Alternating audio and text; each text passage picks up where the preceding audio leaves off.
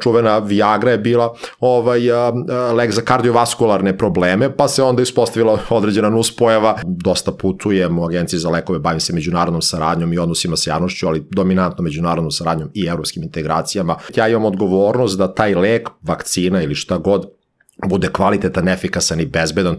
Sve što vidite u bolnici, a da nije lek, je medicinsko sredstvo. I sve to mora da prođe odobrenje Agencije za lekove. Rede veličine mi imamo negde oko 6000 registrovanih lekova u različitim dozama, ovaj, a, a imamo nekih, ja mislim, 55-56 hiljada medicinskih sredstava. Mi takođe odobravamo i oglašavanje lekova. Zbog prekomerne upotrebe antibiotika, mnogi lekovi prosto postaju zastareli. Zašto? Zato što su bakterije naučile kako da se prilagode njih. Pa zamislite kako će izgledati svet za 10-15 godina kada istrošimo i poslednji rezervni antibiotik. Čuvena situacija kada je bila vakcinacija 72. godine protiv variole vere. Znači, tada niko nije postavljao pitanje da li su vakcine a, opasne, da li imaju neželjene reakcije, svi su se vakcinisali, mi imamo evo drugu po redu, ova druga je do duše bila dosta manje obima, ali u pet godina dve a, epidemije malih boginja u mm. Srbiji prošla je imala a, dvocifreni broj žrtava, ova sada srećom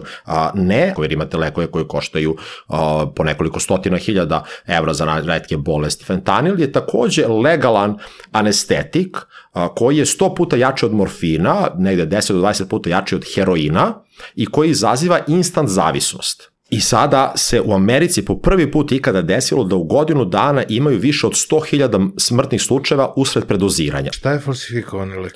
E, to je, to mi je omiljena tema. Znači, globalno tržište falsifikovanih lekova je negde oko 200 do 250 milijardi dolara. Takva tableta može biti smrtonosna. Mi smo u velikoj meri postali tabletomani, to nije sporno. Još podcast 1.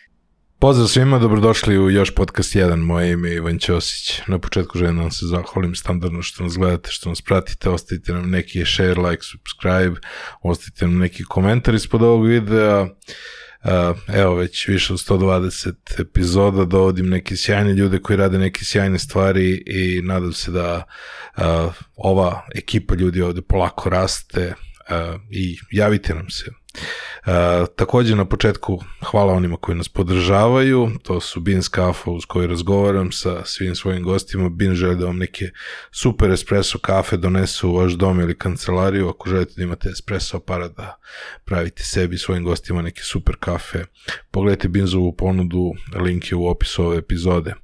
Naš drugi sponsor je Scandinavian Design Center, u njihovim stolicama sedimo, ako opremate svoju kancelariju u nekom poslovnom prostoru, pa čak i u svom domu pogledajte ponudu, okupili su neke super skandinavske brendove, imaju sjajne neke proizvode, link je takođe u opisu ove epizode.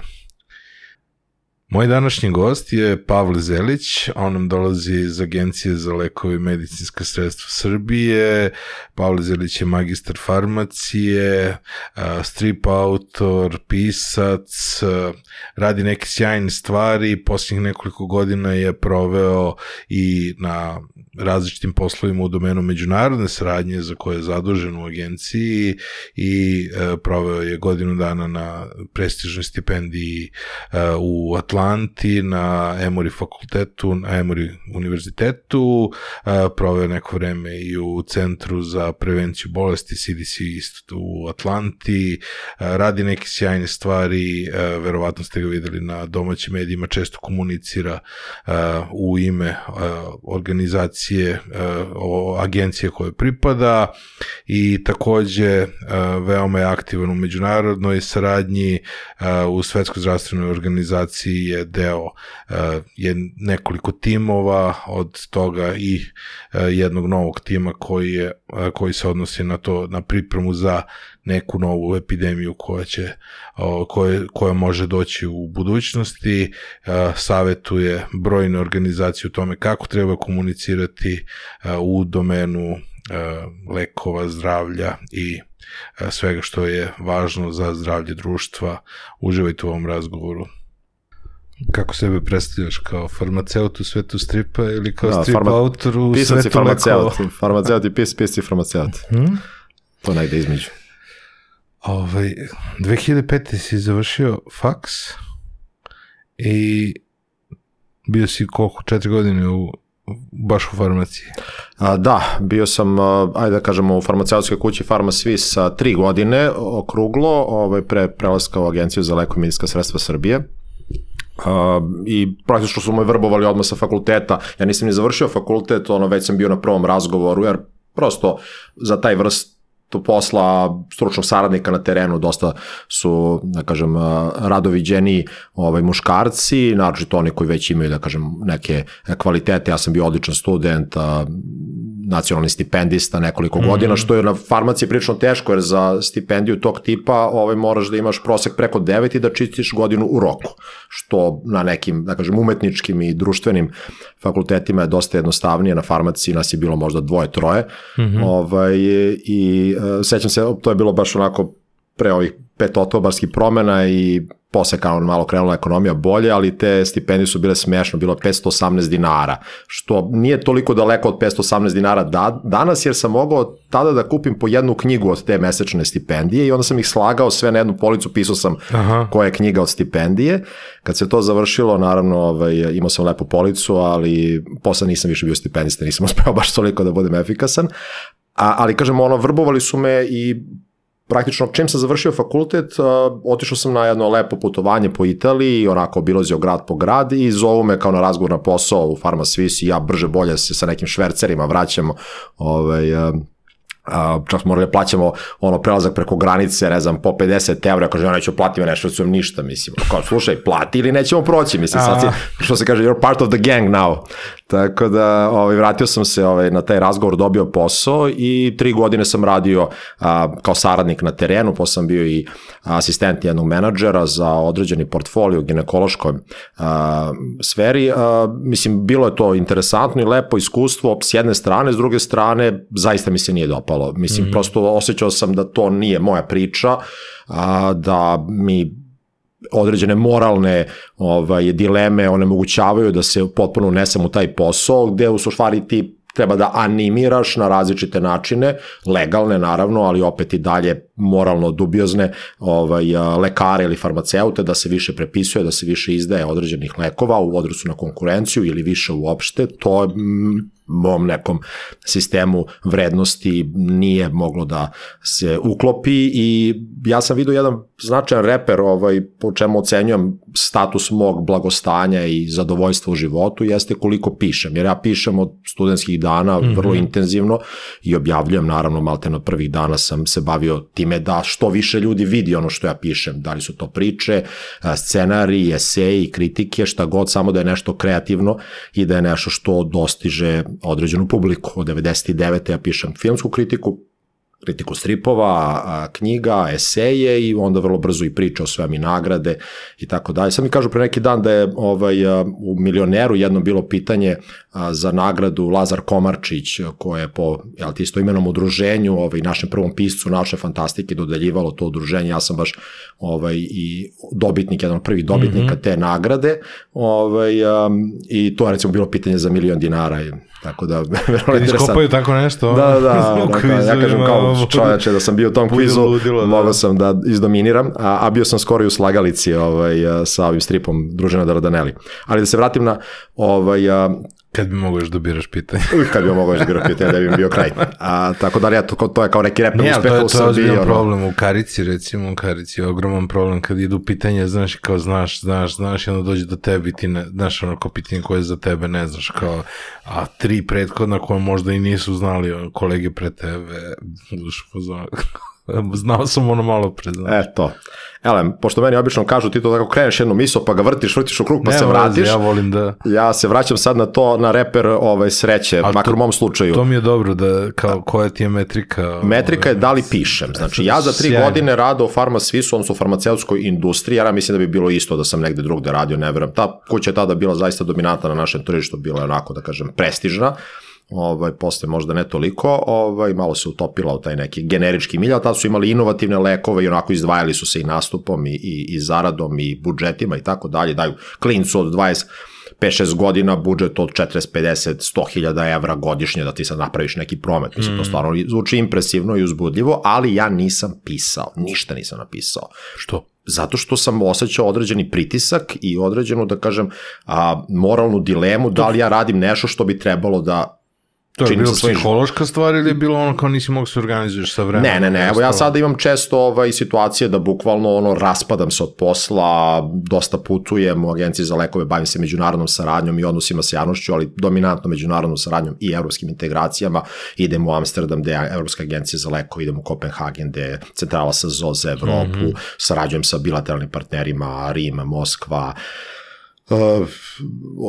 skoro smo bili u Slovačkoj, Moldavija, najrazličitije zemlje, Francuska su nam partneri, Nemačka i tako dalje, Španija i prosto na tim putovanjima opet stignem na nekom aerodromu nešto da napišem, stižem ono u pola noći, ta inspiracija ne prestaje. Čak i kad sam najopterećeniji poslom, mm -hmm. ipak nalazim snage da uradim taj ekstra napor i da nešto ostavim iza sebe. Jer ja zaista mislim da ove knjige i stripovi koje sam napisao i objavio jesu neko moje nasledđe i već počinje onako postepeno u 40. godinama da ti se javlja ta ideja, ono American uh, uh, legacy, kako bi se reklo, to su me dosta učili u, na Humphrey stipendiju u Americi, ali farmaceutska industrija je prosto isisala iz mene taj žar, taj elan, tu volju za a, životom, jer ja pisanje poistovećujem sa životom. Mm. Meni ako ne pišem kao da nisam živ, znači prosto mm.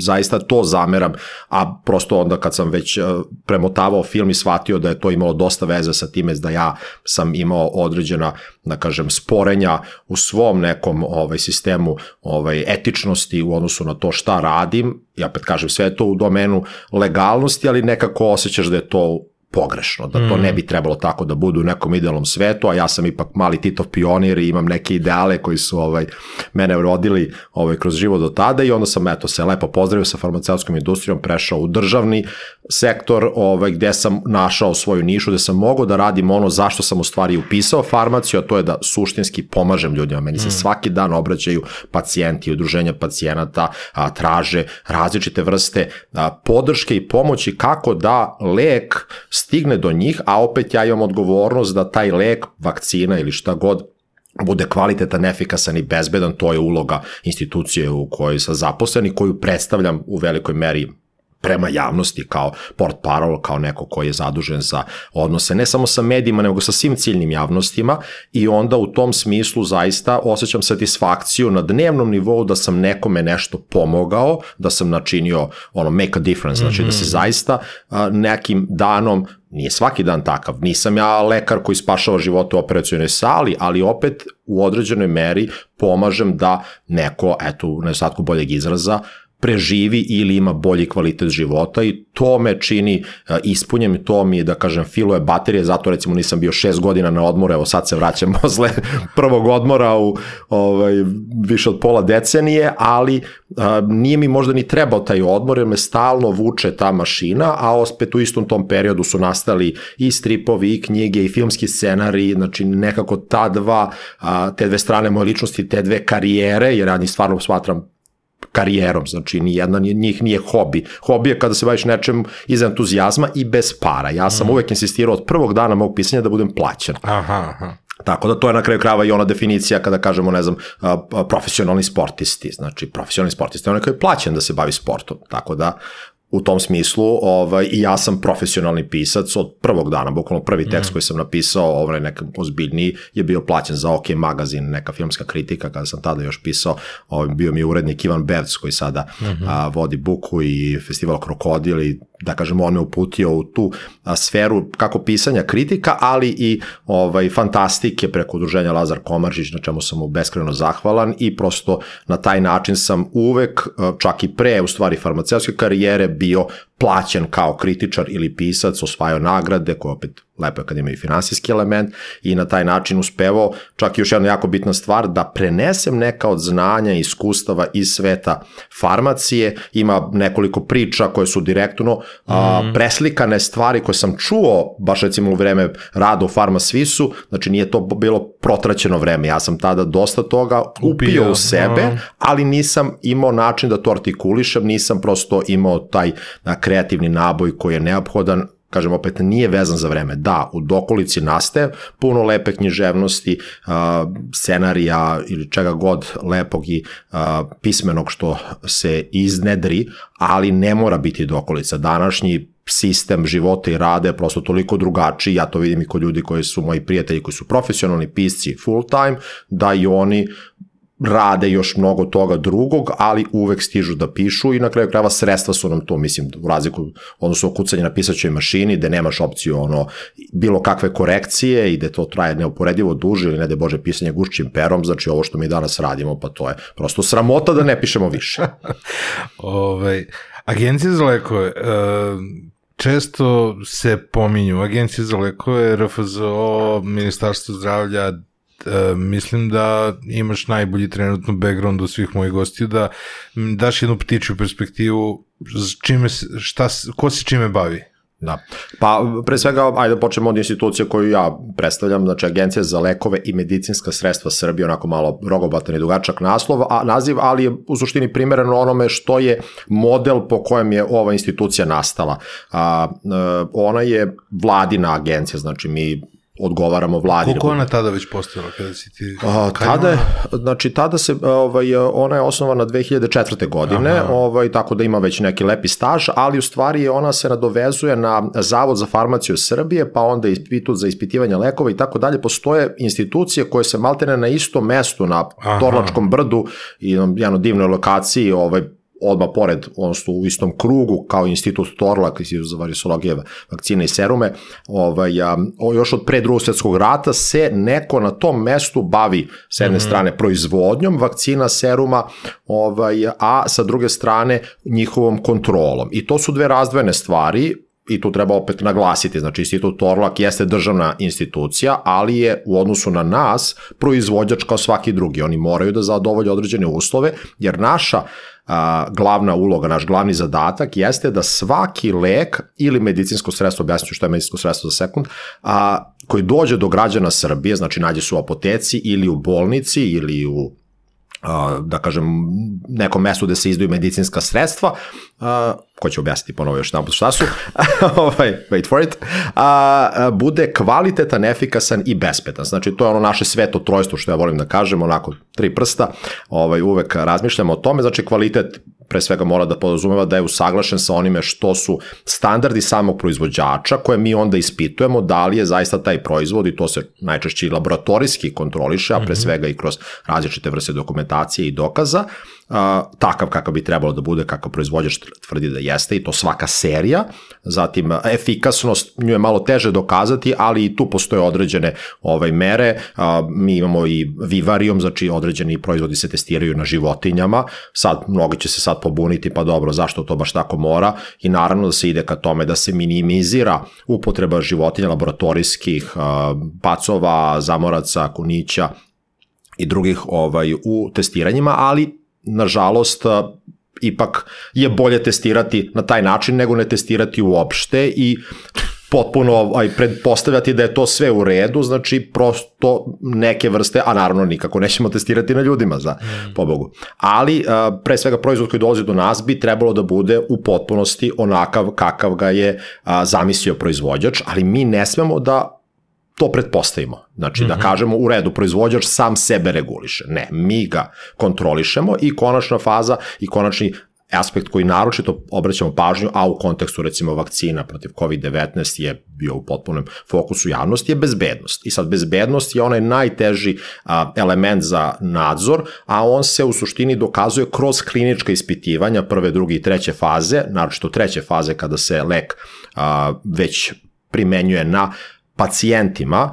koji imaju određenu bolest, naravno u kliničkim ispitivanjima koje su visoko a, stručno a, i a, pre svega etički a, pripremljena i odobrena, i to je još jedan aspekt kojima se mi bavimo, znači ta bezbednost je nešto o čemu mi posebno vodimo pažnje i postoji jedan element koji je, da kažem, važan, ali je ljudima često teško za objasniti, a ja ću se potruditi da to razjasnim stavljajući u kontekst. Znači, zašto mi dozvoljavamo da se lek primeni, a onda nastavljamo da pravimo, pratimo uh, neželjene reakcije na taj lek ili vakcinu vakcine su, da kažem, to sada veliki fokus, mm -hmm. pa zar ne znamo sve o tom proizvodu? Kako možemo sad tako sa nekim ne 100% znanjem o njegovim mogućim nuspojavama da ga pustimo na tržište? I onda sledi logično pitanje. Ako ćemo ići tom logikom, onda ni jedan lek ne bi smeo da se nađe na tržištu, jer prosto nema načina da se on ispita, nema dovoljno velikih studija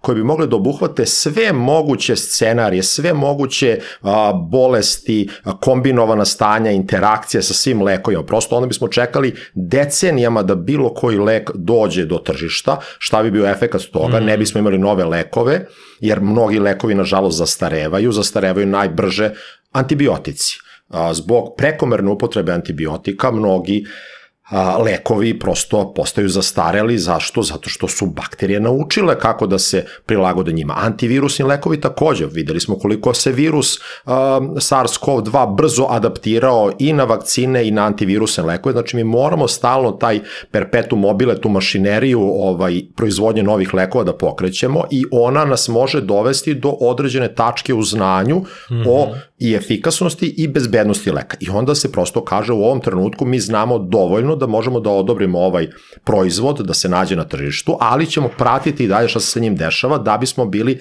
sigurni da nema nekih neočekivanih neželjenih reakcija. One se dešavaju ređe, ali vrlo redko, nije nemoguće da se i lek povuče iz, sa tržišta. Ako Koja se... količina reakcija potrebna da bi se lek...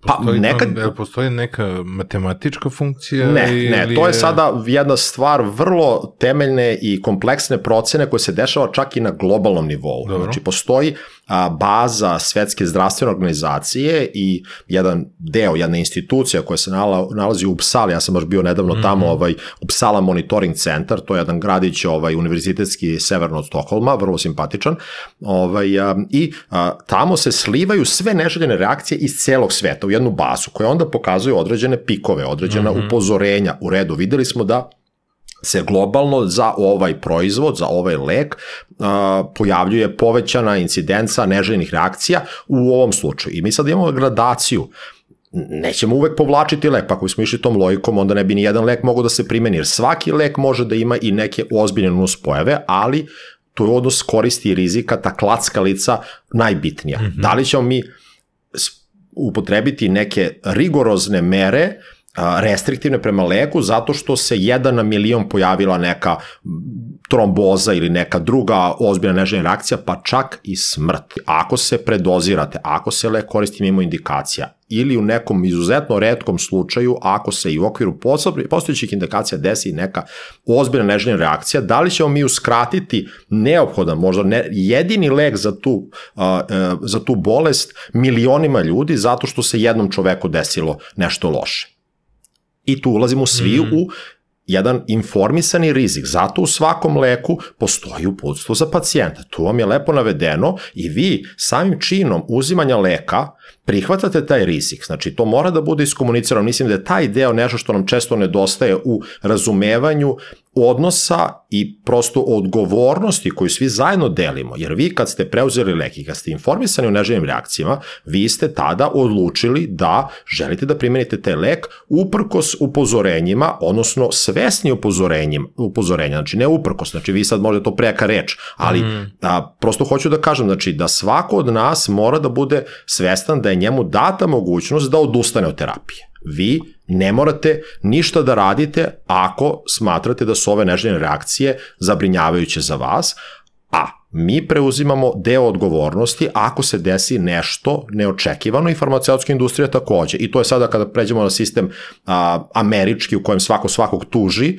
mnogo komplikovanije. Kod nas to ipak zvuči nekako a, razumljivije jer smo mi ipak potekli iz jednog sistema u kojem se taj ovaj to poverenje prema državi i institucijama gradilo i postojalo. Znači, čuvena situacija kada je bila vakcinacija 72. godine protiv variole vere. Znači, tada niko nije postavljao pitanje da li su vakcine a, opasne, da li imaju neželjene reakcije. Svi su se vakcinisali, čak i odojčad za koje te vakcine uopšte nisu bile indikovane. I gde je postojao značajan rizik i trudnice takođe, ali su se vakcinisali jer je rizik od zaraze i epidemije variole, smrtonosne bolesti mm. u 50 do 70% slučajeva bio neuporedivo veći i svi su ušli u tu kalkulaciju i rekli su da, naravno, svi smo došli da se vakcinišemo za manje od mesec dana je vakcinisana kompletna populacija, mislim tada 11 ili 13 miliona a, ljudi, znači prosto ima sjajan film na tu temu, ovaj, još jedno proleće, nedavno dokumentarni, mnogo bolje od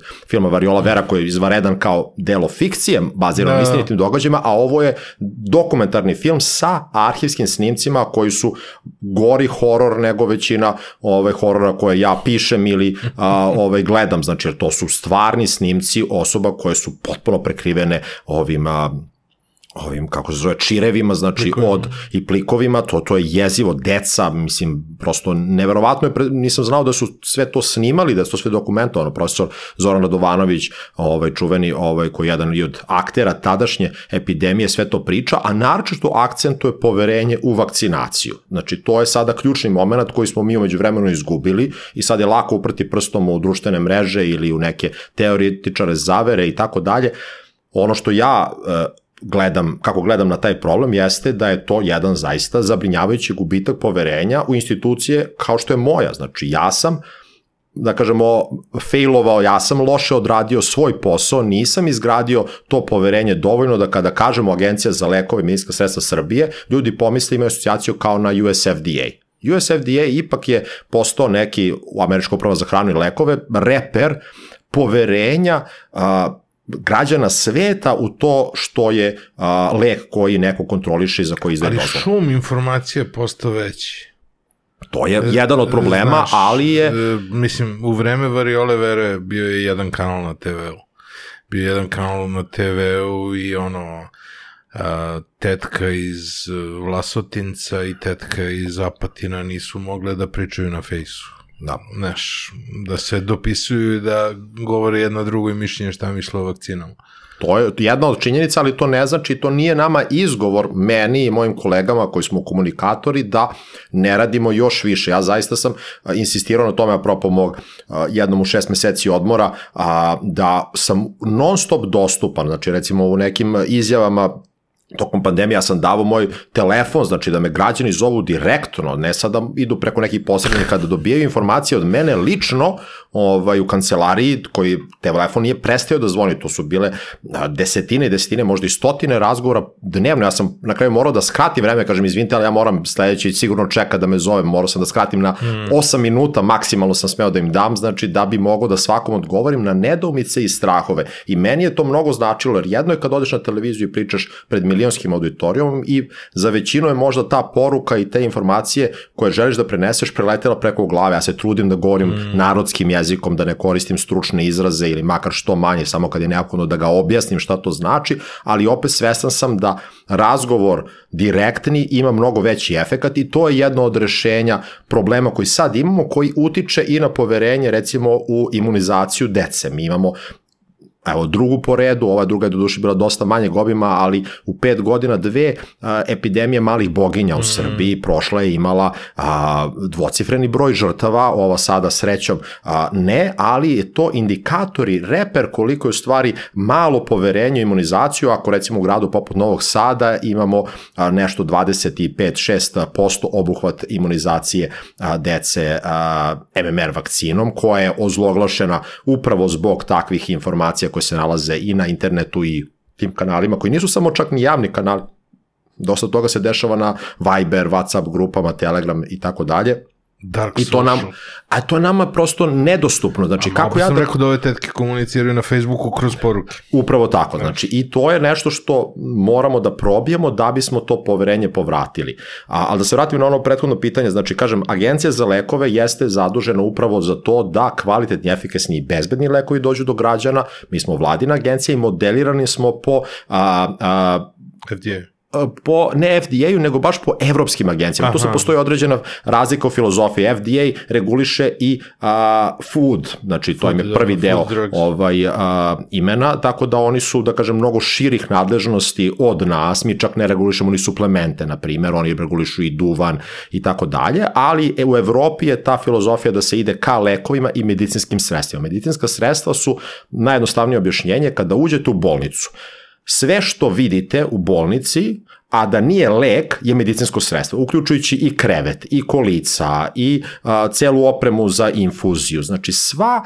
ona oprema, mm -hmm. što bi se reklo, od uh, hiruške igle ili gaze, vate iz zavoja, flastera do nuklearne magnetne rezonance ili PET skenera, sve to je medicinsko sredstvo i sve to mora da prođe odobrenje Agencije za lekove. Rede veličine mi imamo negde oko 6000 registrovanih lekova u različitim dozama, ovaj, a, a imamo nekih, ja mislim, 55-56 hiljada medicinskih sredstava. To je stvarno drastična razlika, naravno nisu sva ta medicinska sredstva tako rasprostranjena i upotrebljivana u velikim brojevima kao leko ima nekih kao pet skenera, mislim možda koliko ih ima, dva, tri u Srbiji, da ne lupim sada, ovaj, ali bilo ih je malo, a, a kažem lekova ima mnogo, oni se primenjuju masovno, mi kontrolišemo i nadziramo i promet u smislu da a, pratimo koliko se prodaje lekova godišnje i a, kako onih koji se izdaju na lekarski recept, tako i onih uh, OTC, znači over the counter, odnosno izdavanje bez lekarskog recepta i u slobodnoj prodaji i ta, to tržište, kažemo, iz godine u godinu uh,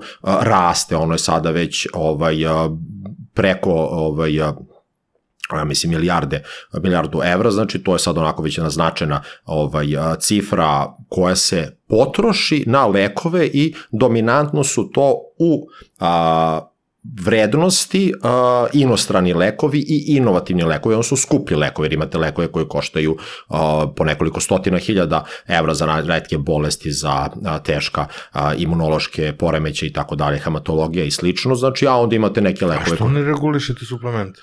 Pa prosto imali smo delimično tu nadležnost pre više godina, onda smo je jednim izmenom zakona izgubili. Mi bismo voleli, mislim da je to primereno agenciji za lekove, sada je to u domenu farmaceutskog fakulteta i ministarstva zdravlja, i to više farmaceutskih fakulteta, instituta za javno zdravlje, a eto vidjet ćemo, možda će se u perspektivi to vratiti u našu nadležnost, ta procedura je dosta jednostavnija nego za lek, ali nije Meni i dalje nije jasno, to je baš bilo u jednom prethodnih epizoda podcasta kada sam pričao sa ovaj, sa doktorom Sonjom Šuvakov i ovaj, e, zašto su ono, kad na TV-u kada se reklamiraju, zabranjeno da se reklamiraju lekovi, ali ovi neki šalabr tako sam i unukao ženla, ovaj, to te stvari mogu, mislim. A, to je isto interesantna tema. Ovaj, mi takođe odobravamo i oglašavanje lekova. Znači, lekove koji se oglašavaju stručnoj javnosti, jer lekovi ovaj, a, ne smiju da se oglašavaju Zašto? opštoj javnosti, lekovi na recept. Zašto? A, zato što se smatra da pre svega odluku o primjeni tog leka, znači dve države na svetu imaju dozvoljeno direktno reklamiranje lekova koji se izdaju na recept direktno pacijentima preko Dobro, televizije. Dobro, ali over the counter? Over the counter mogu, da. Svi?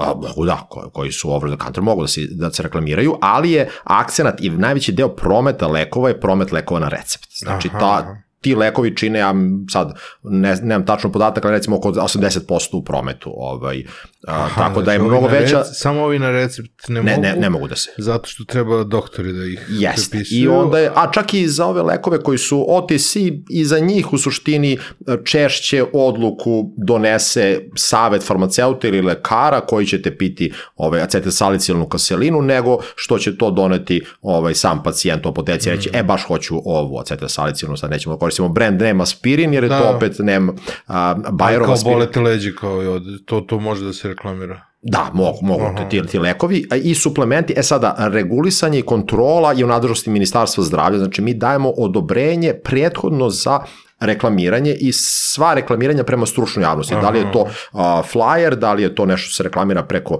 interneta, da li je to neka prezentacija na konferenciji, sve to mora da prođe kroz naše ruke, prosto da bi se i ti lekovi morali da reklamiraju u skladu sa naučnim saznanjima, znači svi lekovi koji idu i koji mm -hmm. vidite u nekom vrstu reklame, čak i oni koji idu prema opštoj javnosti, moraju da budu iskontrolisani jer ne sme da se iznese tvrdnja koja je netačna netačna, neistinita. E, za suplemente je tu malo teže iskontrolisati, jer njihovu kontrolu a, reklamiranja u stvari a, ne, ne postoji prethodna kontrola, ne postoji prethodno odobrenje i u tom smislu je malo teže ovaj napraviti red u toj oblasti, ali bi voleo i očekivao da će se to desiti i da se na neki način i ta ovaj segment a, a, a, iskontroliše. To je teško, mislim. A, da, ali ono kao čudotvorni čajevi. Upravo ostalo, to, to kako, je... De, to čak nije ni suplement.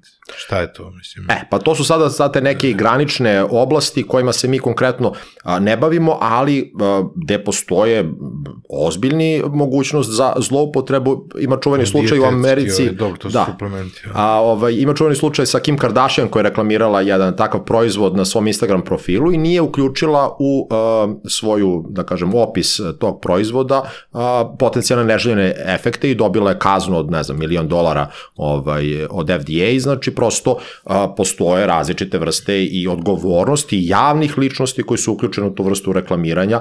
To je onako vrlo interesantna stvar, a kažem, jedino Amerika i Novi Zeland dozvoljavaju i reklamiranje lekova za recept a, direktno pacijentima i tu se vidi kolika se para okreće u toj industriji, jer a, mm -hmm. najčešće ta reklama, ako ste ikad videli na američkoj televiziji, traje a, jako dugo. To je recimo reklama koja traje za Super Bowl 30 sekundi. Super Bowl svaka sekunda, to je najskuplja sekunda na televiziji što postoji na svetu.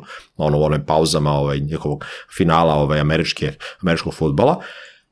I najveći deo te reklame je u stvari lista neželjenih reakcija potencijalnih. To može da izadove to, to i to, to. Znači oni to moraju da navedu da. u reklami, ali se njima i dalje isplati da u reklami od 30 sekundi imaju 10 sekundi reklame prave i 20 sekundi listanja neželjenih reakcija i opet ta reklama ima smisla. Kod nas ima ono brzo. Da, da, da, da, da ima i to, znači ono, preupotrebe, ovaj, obratite se lekari ili farmaceutu. Da, da. da. A, tako da, a, kažem, ta vrsta reklamiranja dovodi to je jedna paradoksalna situacija, to je da pacijent dolazi kod lekara i kaže ja hoću ovaj um, antihipertenziv kao čekaj, šta ti znaš uopšte o antihipertenzivima, ti si pacijent, ja sam lekar, ja, moja reč je valjda jača ovde, ali ne, ja insistiram i često te reklame imaju u Americi taj prizvuk, ok, uh, a, uh, pozovite vašeg lekara, tražite taj taj lek i prosto kada nastupiš sa tim autoritetom dobijaš zaista i taj proizvod i onda se njima isplati ta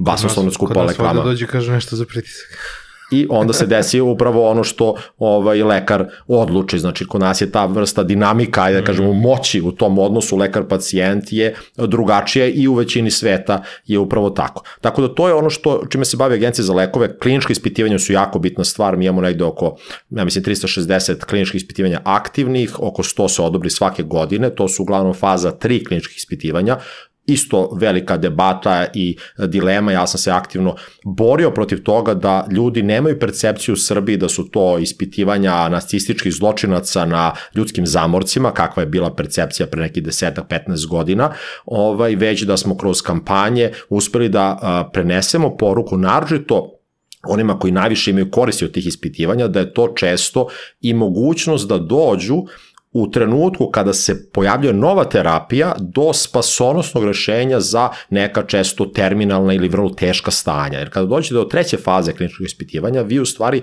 testirate lek za koji znate da doprinosi boljitku života ili produženju života, ako pričamo o onim najekstremnijim, ovaj, najtežim a, stanjima, u poređenju sa zlatnim standardom u toj oblasti. Znači, vi poredite lek i lek. Znači, ni jedan mm -hmm. pacijent neće u toj duplo slepoj probi ostati bez leka, neće dobiti placebo. Znači, to su pacijenti kojima moramo sačuvati život. I u tom smislu dobiti lek koji sutra dan će možda čekati godine da se registruje, da prođe ceo proces koji nije kratak a, izdavanja dozvole za lek u agenciji za lekove, a pitanje je da li će biti interesa farmaceutske kuće, pošto je ovo malo tržište, mm. da li će biti para u fondu da se plati taj lek i tako dalje i tako dalje. Znači, neki pacijent koji ima recimo terminalni stadijum nekog kancera dobija lek koji je inovativan i koji može spasiti život. Taj benefit za pacijenta, za a, zdravstveni sistem koji onda nema opterećenje ni finansijsko, dobija priliku lekar da ispituje nešto novo, ono što bi se reklo cutting edge a, inovacija u toj terapijskoj indikaciji i plus a, svi bivaju plaćeni za to, to je ono win-win-win situacija. Tako da smo uspeli da situaciju sa kliničkim ispitivanjima dosta popravimo, naravno da uvek ima prostora za unapređenje. Ali i... bilo je previše film filmova tih nažalost mislim. tipa koji su ono prikazali kako to sve ono kako je to sve znaš mora se napraviti neki zaplet i onda Mislim, evo baš sam sad skoro bilo neki jubilej onog filma The Fugitive, Begunac sa Harrison Fordom i tu je recimo glavni E, zaplet da, da, i glavni da. negativac Big Pharma. Mislim, prosto ja sam radio u farmaceutskoj industriji, znam da a, postoje određene kritike i ja ću prvi ukazati na to ovaj, da smatram da je to može da se i na drugačiji način radi, ali zaista oboriti celokupnu industriju, celokupnu delatnost koja ima u osnovi a, način da dođemo do poboljšanja kvaliteta, produženja života i spašavanja života i reći da je to sve bez veze i da mi treba da se onda šta lečimo korom sa drveta je absurdno. Isto kao što je absurdno reći čim se pojavi neka nešto reakcija na lek kao recimo sa vakcinama ovaj, protiv covid a ne moramo da povučemo te vakcine sa tržišta. Pa čime ćemo onda da se lečimo? Mm. Gde će ti ljudi da dobijaju spasonošna rešenja? Ja koji dobijam redovno pozive, a, bukvalno pacijenata neretko na samrti ili dece sa teškim i redkim bolestima, nemam tu vrstu moralne dileme da kažem da postoji lek, lek možda nije savršen, ni jedan lek nije savršen, nikada neće ni biti, ali on daje komparativno veću šansu za ili preživljavanje, kvalitet života i tako dalje i definitivno ga treba primeniti prosto. To je jako zeznuto, zato što su ta dva ugla potpuno različita, jedan je subjektivan, jedan je objektivan i onda ne možeš ta dva da pomiriš, nema šanse. Jeste. I pričamo o neki sa jedne strane o ono što si rekao na samom početku, ptičoj perspektivi, pogledu ono na velike brojeve i statistiku, a s druge strane pojedinačnim slučajevima ljudi koji imaju određene dileme i strahove i ja uvek pokušavam da balansiram između toga mm. i da budem dobar psiholog kada razgovaram sa nekim i da odvojim i vreme i trud i strpljenje, bezgranično strpljenje da, za... neko ima jednog člana porodice koji je bolestan, njega statistika ne interesuje. Upravo tako. I onda znači. prosto moje prilagođavanje te priče je takvo, ali a, uvek imam na umu da pre svega ja polazim sa jedne visoko moralne i ispravne pozicije da znam da sam u pravu jer želim samo najbolje svakome. Ja sam ušao u svet farmacije, moj otac je inače profesor stomatologije, čuveni svetski ovaj, visiting profesor u Torontu, a, u Winnipegu, u uh, Moskvi, u Jerevanu, u Palestini i tako dalje, Tel Avivu, znači zaista neko koji je svetski autoritet, a ja nikada nisam mogao se bavim time čime se on bavim, se bavi velikim onim intervencijama, on je specijalista za parodontologiju, one bolesti desni, moja sestra je nastavila -hmm. tim putem, ja nisam mogao taj direktan kontakt sa pacijentom da imam, prosto bez ikakvog okolišanja, bilo mi je to bljak. Znači to da sad ja nešto prčkam nekom po ustima ili po telu, da ga dodirujem, nisam imao tu vrstu ovaj, a, lekarske ovaj, intimnosti sa pacijentom, ali sam želeo da pomažem ljudima uz, da kažem, određenu distancu od jednog metar punog drveta između mene i pacijenta prvo u apoteci, a onda i na ovaj način, znači putem telefona ili na sastanku i tako dalje, uvek ću upotrebiti moj um da moje znanje i veštine stavim u službu pacijenata u Srbiji i taj, ta plemenitost tog zadatka me u stvari vozi sve ove godine, a kada sam dobio priliku da to radim i na širem polju, na nivou cele Evrope, kao ekspert SZO, Saveta Evrope, a, a, sa Evropskom unijom kao posmatrač u mnogim telima, čak i funkcioner. Šta se dešavalo u tih deset godina? Tih prvih deset godina, pošto vidim da su ove sad sve neke znači, inicijative i akcije izuzetno intenzivirane posle COVID-a. Šta se dešava u tih tvojih prvih deset godina u agenciji? Pa bilo je vrlo interesantno, znači dosta smo imali uh, odnosa sa medijima, građenja, recimo evo ovo što sam pominjao, ovaj, kampanja oko uh, uh, oko kliničkih ispitivanja, mm -hmm. bila jedna lako lepa brošura, dosta se radilo a, na tome, to je recimo bilo neke a, 2010. godine. A, ja sam u to vreme završio i diplomatsku akademiju, dotno sam se usavršavao godinu dana na Ministarstvu spoljnih poslova, a, to je jedna specifična škola, nosi ime našeg čuvenog diplomate i ratnog heroja Koče Popovića mm -hmm. i ta diplomatska akademija poput sličnih institucija u Ministarstvima spoljnih poslova širom sveta je posebno škola za diplomate. Ja sam praktično sertifikovani diplomat, odnosno mogu da radim u diplomatskom konzularnom predstavništvu, to jest ambasadi, mm -hmm. da prevedemo na običan jezik. A, I čak sam i trebao kao najbolji student a, diplomatske akademije da budem nagrađen odlaskom u neku ambasadu, jer pošto je to nekada bilo samo za zaposlene u ministarstvu, onda su postepeno ovaj, otvorili to i za druge i tadašnji ministar a, spoljnih poslova Vuk Jeremić je čak planirao da me vodi za New York, on je tada trebao postane i postao predsednik Generalne skupštine Ujedinjenih nacija. Predsednik sveta. Predsednik sveta, da. Emanuel Čekić. Sam se, to je bila čoveni mim. Ovaj, nije se to desilo i meni je drago što nisam otišao putem diplomatije i napustio farmaciju, jer sam uspeo da u ovom poslu koji obavljam inkorporiram. A, tada sam počeo i brojni ugovori, sporazumi sa bilateralni sa ovaj, Italijom, Rusijom, Francuskom su se desili a, u tom periodu sa svim zemljama Balkana, regionalni jedan sporazum, to je sve, da kažem, nešto čime sam se a, bavio i a, desila se velika inicijativa i moje uključenje u jednu globalnu borbu protiv falsifikovanih lekova. Time se bavimo... To tad počinje. Počinje se, to je već 2012. sam ja prvi put otišao u Strasbur, u Savet Evrope, postao član ovaj, komiteta za borbu protiv falsifikovanih lekova Saveta Evrope i od tada sam a, vrlo aktivan na tom polju, bio sam i a, predsednik tog komiteta, sad sam trenutno predsednik jednog nadkomiteta a, koji se bavi farmaceutskim proizvodima i farmaceutskom negom, evo sad u septembru me čekaju izbori na kojima ću biti ovaj, smenjen, to je istići mandat, bio sam dva, dva mandata, dva, dve godine za redom ovaj predsednik. Ovaj... Ajde mali antrefile, šta je falsifikovani lek? E, to, je, to mi je omiljena tema. Znači, falsifikovani lek je svaki uh, proizvod koji uh, ima lažne uh, ili uh, podatke o poreklu, znači može biti falsifikovana i dokumentacija, a ima uh, lažni, uh, odnosno imitira sastav originalnog leka, ali nije proizveden po standardima i na mestu koje je u stvari pravi izvor leka i znači lažan je su informacije na pakovanju, lažan je sastav i lažno je poreklo. I sad kad to ta tri elementa su su suočimo Sva to tri ili samo samo jedan je dovoljan. Jedan, aha, znači recimo to, evo konkretno to može biti lek koji je ukraden, znači originalni lek, ukraden iz a, bolnice, daću vrlo praktične primere i baziran na istinitim činjenicama. Znači to je recimo a, a, lek koji je ukraden iz a, proizvodnje u Italiji od strane kriminalaca i preprodat u Nemačkoj, gde je skuplji. Ali sama činjenica da je on ukraden iz bolnice, da je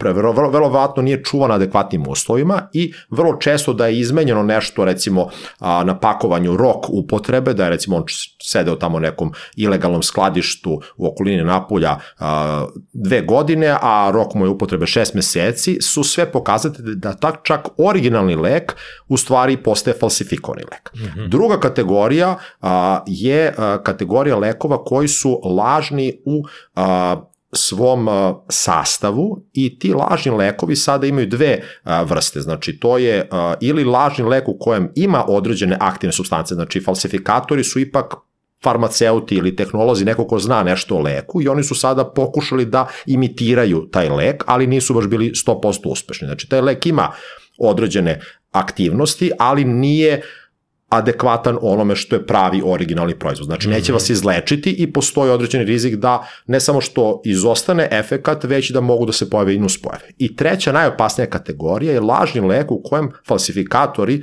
uopšte nemaju nikakvu aktivnu substancu, znači nema ničega što bi tu moglo da vam izazove efekat kakav vi očekujete, ali taj lek ima određene substance u sebi koje su bile zgodne da se iskoriste da fizički taj lek dobije izgled pravog leka. E, ti lekovi koštaju i oni su najpopularniji od falsifikatora jer najmanje koštaju da se proizvedu, Znači, postupak falsifikovanja leka je u stvari sada toliko pojednostavljen da vi možete da napravite skoro identičnu pakovanje, kutiju, ambalažu i sam proizvod bez nekog velikog investiranja. Znači, ako pravite nešto sa aktivnom substancom, ona košta. Znači, Dobro. to je skupo. Ako kradete lek, opet rizik ulazi tu. Dobro, okay. A sa ovim trećom kategorijom, koja u stvari najčešće rizik je nula. Ali radi ona nešto ili ne, ništa na, ne radi. samo prođe kroz organizam? E sada, to prođe kroz organizam je u stvari najopasniji deo i Dobro. zato ću akcentirati ove lekove. Znači, globalno tržište falsifikovanih lekova je negde oko 200 do 250 milijardi dolara godišnje. Znači, to je jedna od najvećih kriminalnih aktivnosti na svetu danas, o čemu se jako malo zna i što je prosto nekako, ja mi to kažemo, ono nepoznata pandemija. Znači, to postoji već decenijama unazad kao vrlo organizovana mreža različitih kriminalnih organizacija širom sveta koje imaju za cilj da pre svega na globalno a, a, bogatim tržištima kao što su mhm. američke države, Kanada, a, Evropska unija, ali sve češće i Kina, Indija, Australija naravno, Japan i tako dalje, plasiraju proizvode na kojima će puno zaraditi, a neće potrošiti ništa i imaće mali rizik.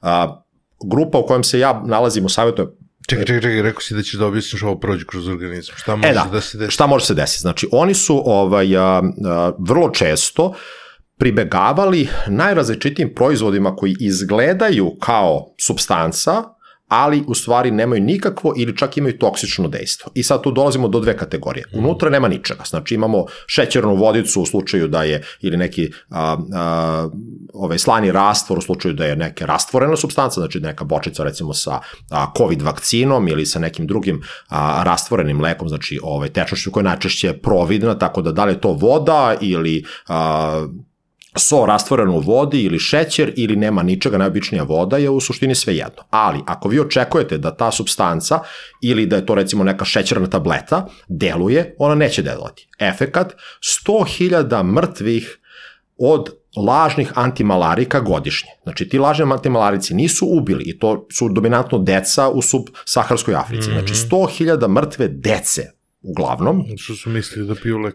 nego misle da piju lek. I to su sada te kriminalne grupe koje su često povezane i sa slabim režimima u tim državama, znači u jugoistočnoj Aziji takođe, znači koji često uzimaju isporuke mm -hmm. svetske zdravstvene organizacije ili nekih farmaceutskih kompanija donacije, zamenjuju to sa lažnim proizvodima i plasiraju na tržište, prodaju onima kojima antimalarik znači pitanje života ili smrti. Znači taj antimalarik koji je tableta u kojoj nema ničega je samom svojom neefikasnošću smrtonosan.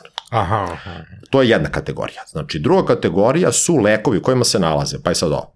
A, otrov za pacove, antifriz, a, a, prah cigle, boja za, a, ovaj vosak za podove, koji se koristi da se dobije onaj lep sjaj, mm -hmm. ili a, boja za puteve kojim se farbaju tablete da bi bile postojane boje. Znači, to su substance, ima tu često i a, teških metala, ima najrazličitijih ovaj, proizvoda koji su bili pri ruci falsifikatorima i koji su što jeftiniji da bi mogli da samo imitiraju izgled substance. Takva Takva tableta može biti smrtonosna samim činjenicom da se u njoj nalaze opasne materije. Samo da ti završi to u jetri, gotov si.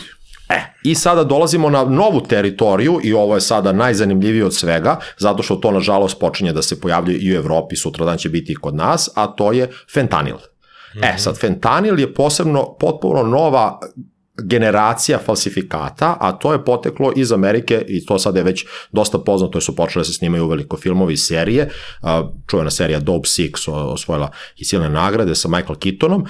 To su opioidi, znači to je kategorija lekova za bolove, mnogo jačih od onih na koje smo mi navikli kod nas u Srbiji i Evropi, uglavnom su to lekovi koji se strogo izdaju na lekarski recept, u Americi su maltene, a, ovaj, i to vrlo restriktivno, u Americi su postali ne baš OTC, ali vrlo široko rasprostranjeni. I a, zbog a, slabe regulative i kontrole izdavanja lekova za bolove u najširim dijapazonu, znači neko ima neki hroničan bol u leđima, a, a, neke a, migrene ili bilo što slično, tim ljudima su se davali lekovi. Smo Dr. House. Jeste. E, u tim slučajima se, se... Tako je, bravo. E, to je to. E, sada zamislite te lekove, znači koji se daju milionima i desetinama miliona Amerikanaca. To su sada već ozbiljne brojke koji su naravno imali uticaj farmaceutske industrije koja je insistirala da se ti lekovi što više a, preporučuju. To je Purdue Pharma, čuvena porodica Sackler ozloglašena, koja je jedna od vodećih u proizvodnji i promociji tih vrsta proizvoda,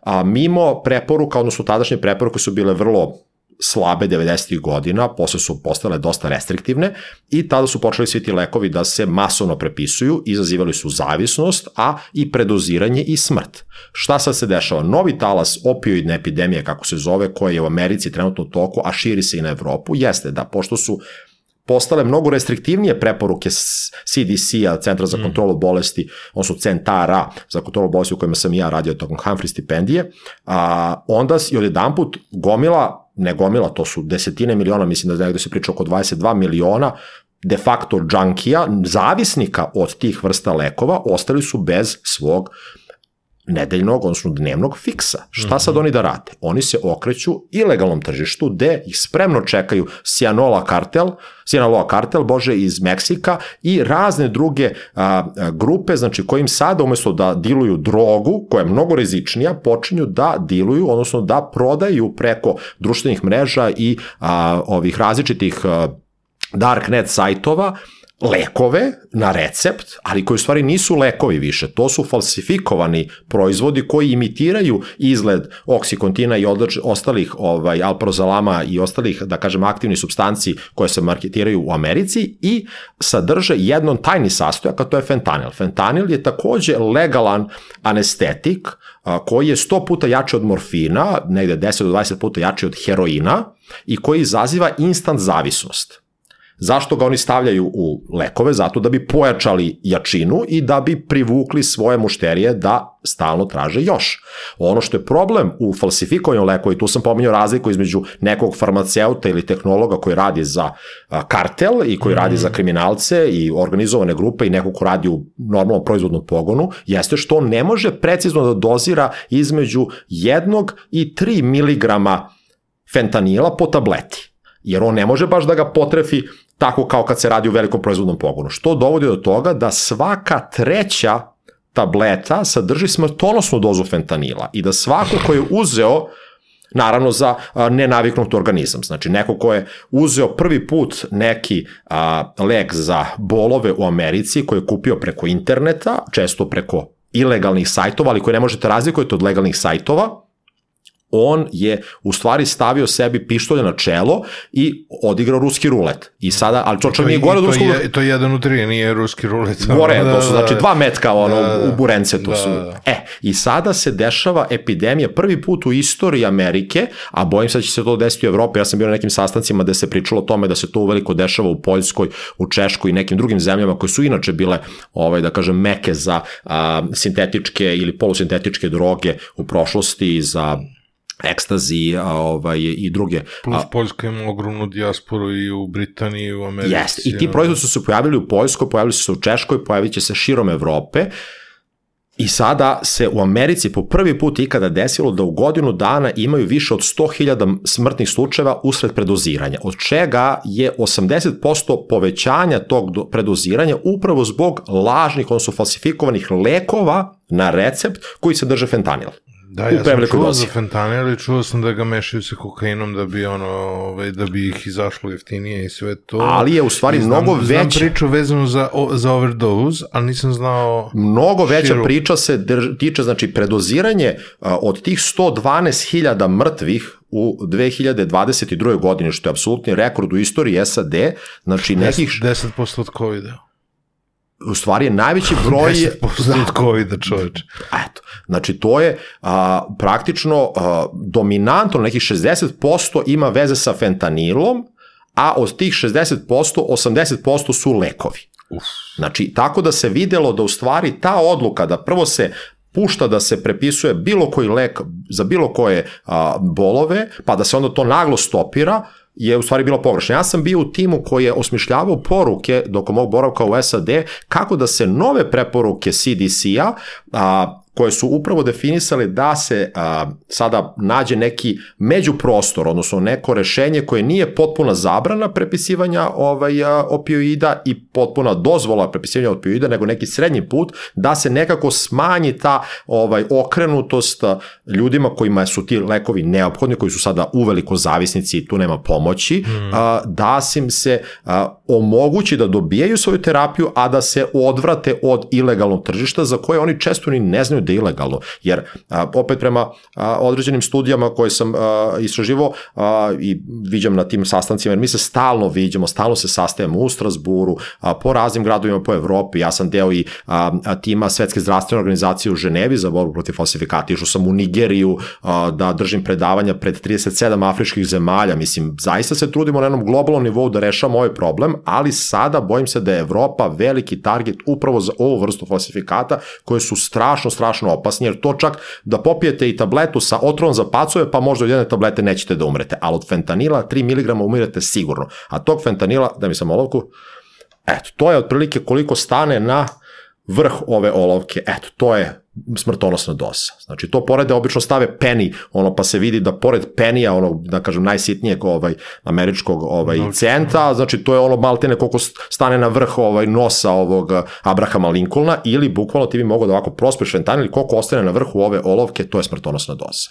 Eto, to je ono o čemu mi sada pričamo i ta fentanil kao takav jeste ovaj nešto što nas najviše zabrinjava kada pričamo o falsifikovanim lekovima i što ima veze sa uh, ne samo predoziranjem i narkomanijom, jer to su ljudi koji u suštini nisu zavisnici klasičnog tipa, to su ljudi koji imaju teške bolove i kojima je neko rekao da mogu da te bolove reše terapijom, lekovima, koji su legalni, taj fentanil je legalan, registrovan u Srbiji, to je jedan vrlo ozbiljan anestetik, izuzetno jak, ali kada se zlopotrebljava, postaje upravo oruđe i za zaradu, ali i za prosto istrebljivanje, kako, mislim. Kako može takav anestetik koji izaziva takav nivo zavisnosti od 1-2 mg ovaj, na 3 je već smrtonosan, kako on može uopšte bude registrovan?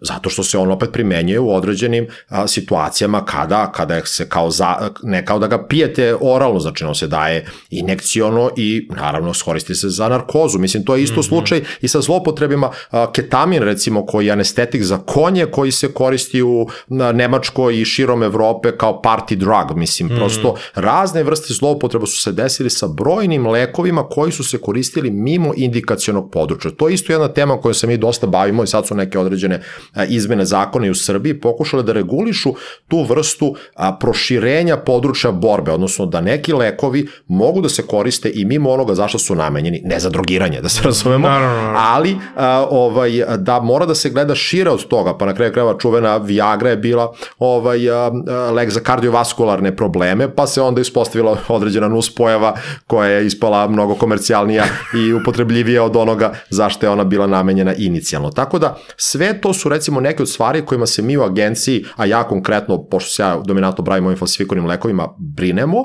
a onda imate, da se vratimo ono, pre sat vremena što smo počeli pitanje, imate fond, imate ministarstvo zdravlja koji imaju druge uloge. Koliko smo zaštićeni od toga? Koliko smo zaštićeni od ovoga, sad si rekao da se preliva. Mislim, imamo tu stalnu priču kako smo malo tržište, kako smo mala država i kako u tim nekim ukupnim svetskim dešavanjima, ali nekad se gomila tih stvari prelije na nas. Ove, Pite kako? Pre svega mi smo, smo geografski a, nezgodno pozicionirani. Znači, mi da. smo ta raskrsnica često, taj transfer lekova koji ne može da ide avionom, znači ide zemljom ili morem, ovaj ide iz Indije, Kine, preko Bliskog istoka, preko Balkana, Balkana ka zapadnoj Evropi. Znači, jednom trenutku kad pređe našu granicu i uđe ili u Hrvatsku ili u ovaj, Mađarsku, Rumuniju, on je već završio posao, onda može da ide gde god hoće, znači širom Evropske unije nekako više neće zaustaviti. Tako da, a, s jedne strane, ja osjećam odgovornost i nalazio sam se par -hmm. puta u nepretnoj situaciji da mi kažu, e pa znaš, ovaj, sa autobuske stanice u Beogradu kreću a, određeni autobusi koji idu, ne znam, u Švajcarsku ili a, u Nemačku, znači kojima ljudi nose pune kofere lekova. I tu dolazimo do jednog i politički pipavog a, pitanja o kojem ja javno govorim, ni to nikakva tajna, na kraju krajeva zna se da je glavna, a, glavno skladište za falsifikovane lekove konkretno, a naravno i za druge ilegalne proizvode, ovaj, je Kosovo. Znači, odakle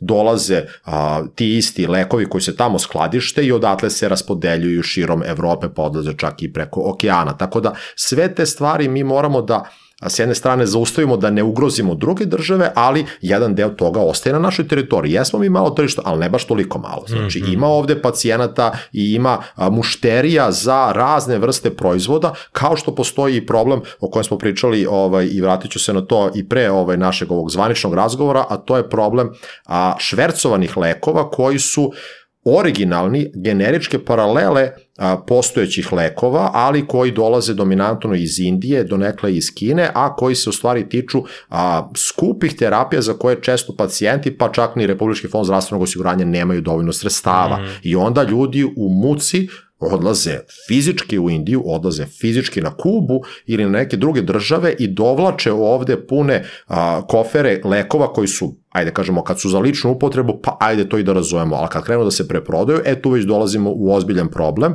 pre svega zato što mi, kao neki organ koji je odgovoran u agenciji za kvalitet, bezbednost i efikasnost svakog leka koji dolazi do pacijenta, taj lek nikada videli nismo, znači on nikakvu proceduru nije prošao kroz nas i onda ne možemo da kažemo ni da ni ne, a svakako da je to kršenje zakona. Razumemo da postoji očaj, hvatanje za posebnu stanku spasa i to je ljudski ali država se zaista trudi da nađe rešenja, ja se trudim i pregovaram sa farmaceutskim kompanijama, nalazimo rešenja kroz kliničko ispitivanje, kroz donacije, da pacijent zaista ni jedan ne ostane zaboravljen i u tome smo pokrenuli određene stvari. Pa znam, ali ako je Indijac uzeo recept koji je nastao u Švajcarskoj i napravio u Indiji lek i nekoga je doneo ovde, jako se malo pitaš u Srbiji ono, za, za to kad je 90% procesa Upravo završeno tako. van tvoje kontrole. I sada dolazimo do vrlo interesantno velike, velike teme, a to je Indija i uopšte proizvodnja i potencijalne nestašice lekova koje nam sada onako prete. Uh, upravo tu je uloga, evo sad pričali smo inicijalno ulozi Ministarstva zdravlja, Republičkog fonda, oni, Republički fond se bavi lekovima na recept, lekovima koje delimično ili u potpunosti finansira država.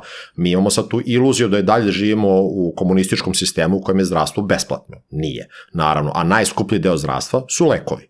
I ti lekovi do određene mere mogu da budu isfinansirane od strane države, jedan deo je out of pocket expenditure, znači nešto što sami pacijenti plaćaju, to je ili ona participacija ili a, nešto. Više od toga, znači mi prosto iz plata i doprinosa ne možemo da isfinansiramo svaki lek jer ima izuzetno skupih lekova, lečili smo decu SMS porukama, lečimo ih i dalje, dosta se to a, pomerilo ka tome da je veći deo toga ipak dolazi od države, ali to znači da hiljade nas treba da finansiramo jednog pacijenta koji ima neko teško, redku bolest i naravno da ga nećemo ostaviti na cedilu, ali to su strašne odluke. Ja ne bi nikad mogao da radim u fondu i da svaki dan razmišljam o tome koliko para imam da spasim koliko ljudi ili da poboljšam život koliko ljudi. To su baš mm. teške stvari. Ono što je sada nova situacija jeste da činjenica da su sve farmaceutske kompanije, sad pogled ne od ozgo na Srbiju, nego pogled od ozgo na svet, mm -hmm. sve farmaceutske kompanije koje su 90. godina dominantno preselile svoju proizvodnju u Indiju i Kinu, znači dve zemlje, sada u ozbiljnom problemu. Indija i Kina su tada uh, bile, da kažem, na mnogo nižem stupnju razvoja nego sada, imale slabije vlade, sada je to postalo jedno geopolitičko pitanje i sada se pokušao da se vrati taj proizvodnju u Evropu, a ne da se određena vrsta uslovljavanja, pa čak i očekivanja da se dominantno ti proizvodi zadrže u dve zemlje koje ipak čine četvrtinu svetske populacije i više od toga. Znači i oni imaju argument da kažu, prvo mi da rešimo probleme kineskih pacijenata, da njih snabdemo, pa ćemo onda da izvozimo. A farmaceutski kažu, pa dobro, to su naši proizvodi, mi smo vlasnici. E pa možda jeste, ali su na našoj teritoriji. A onda dolazi najveće od svih pitanja, a to je nepoštovanje Indije konkretno prema patentnim pravima, odnosno zaštitu intelektualne svojine lekova.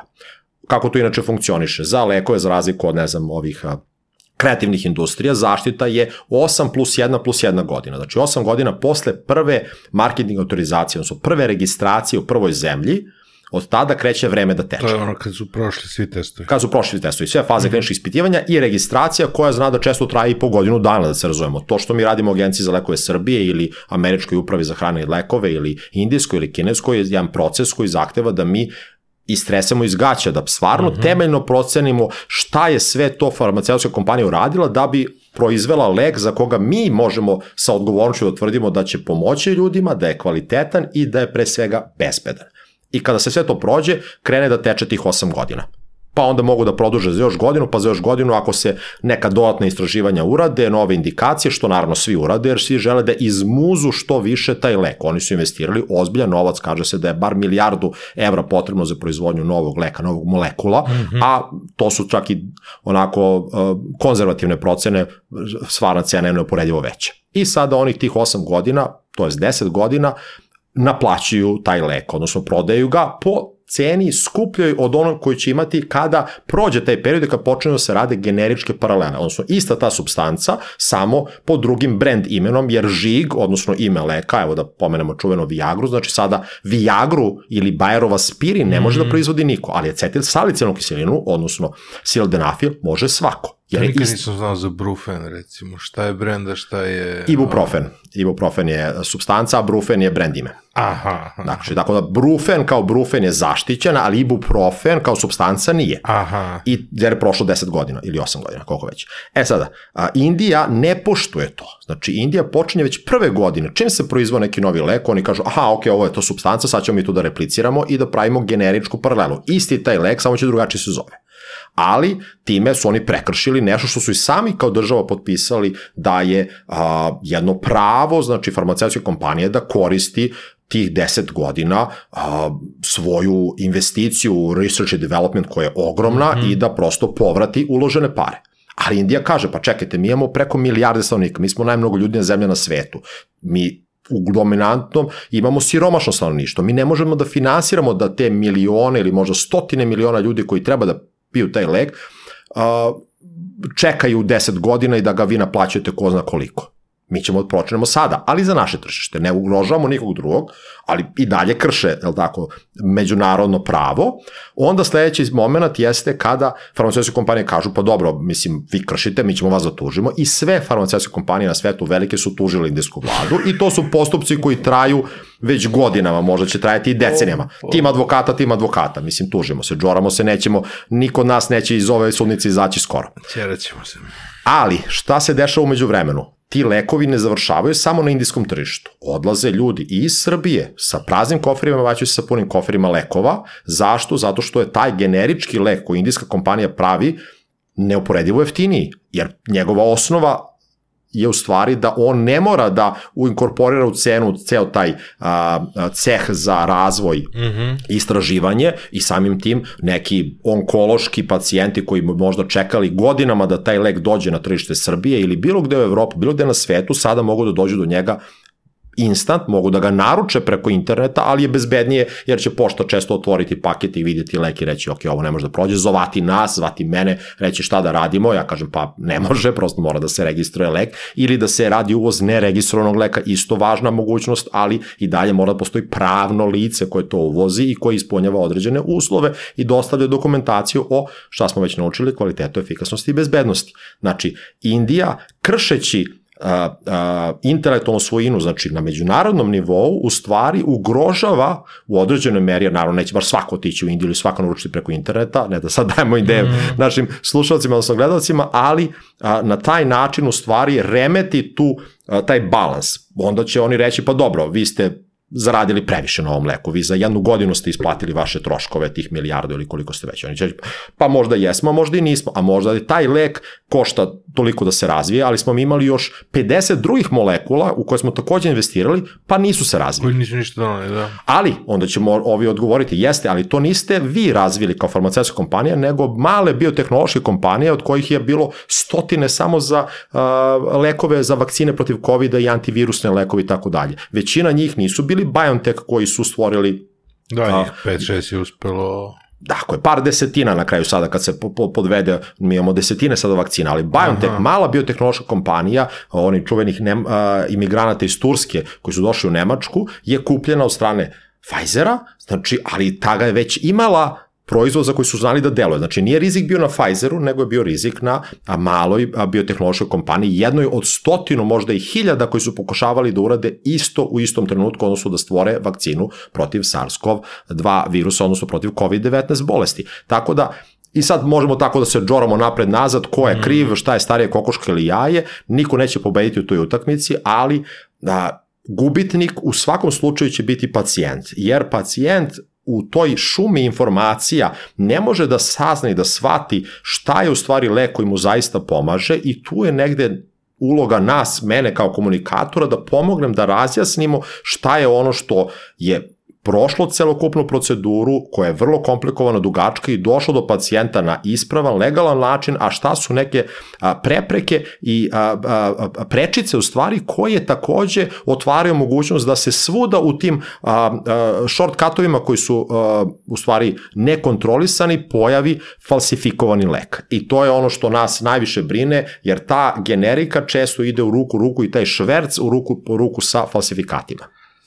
Ili totalna anarhija, liberalizacija, da se, sve, da, da se svi ponašaju kao Indije i da kažu da je zdravlje svih ljudi prioritet i da je svako istraživanje koje je uspešno isfinansirano od strane svih tih država zajedno. To, to bi bilo Mislim, idealno. I pa u neka krajeva kad se pojavilo, pa nekad se pojavile su se Jer, jer to je jedno, jedno od ozbiljnih kapitalističko-ekonomskih tema zašto je farmacija postala toliki biznis. Znači, i da li bi države zajedno trebalo da e, finansiraju, nagrađuju ozbiljne farmaceute koji pronađu, znači, ok, koliko košta da se pronađe lek taj taj, toliko, nek košta milijardu, nek nagrada bude 10 milijardi.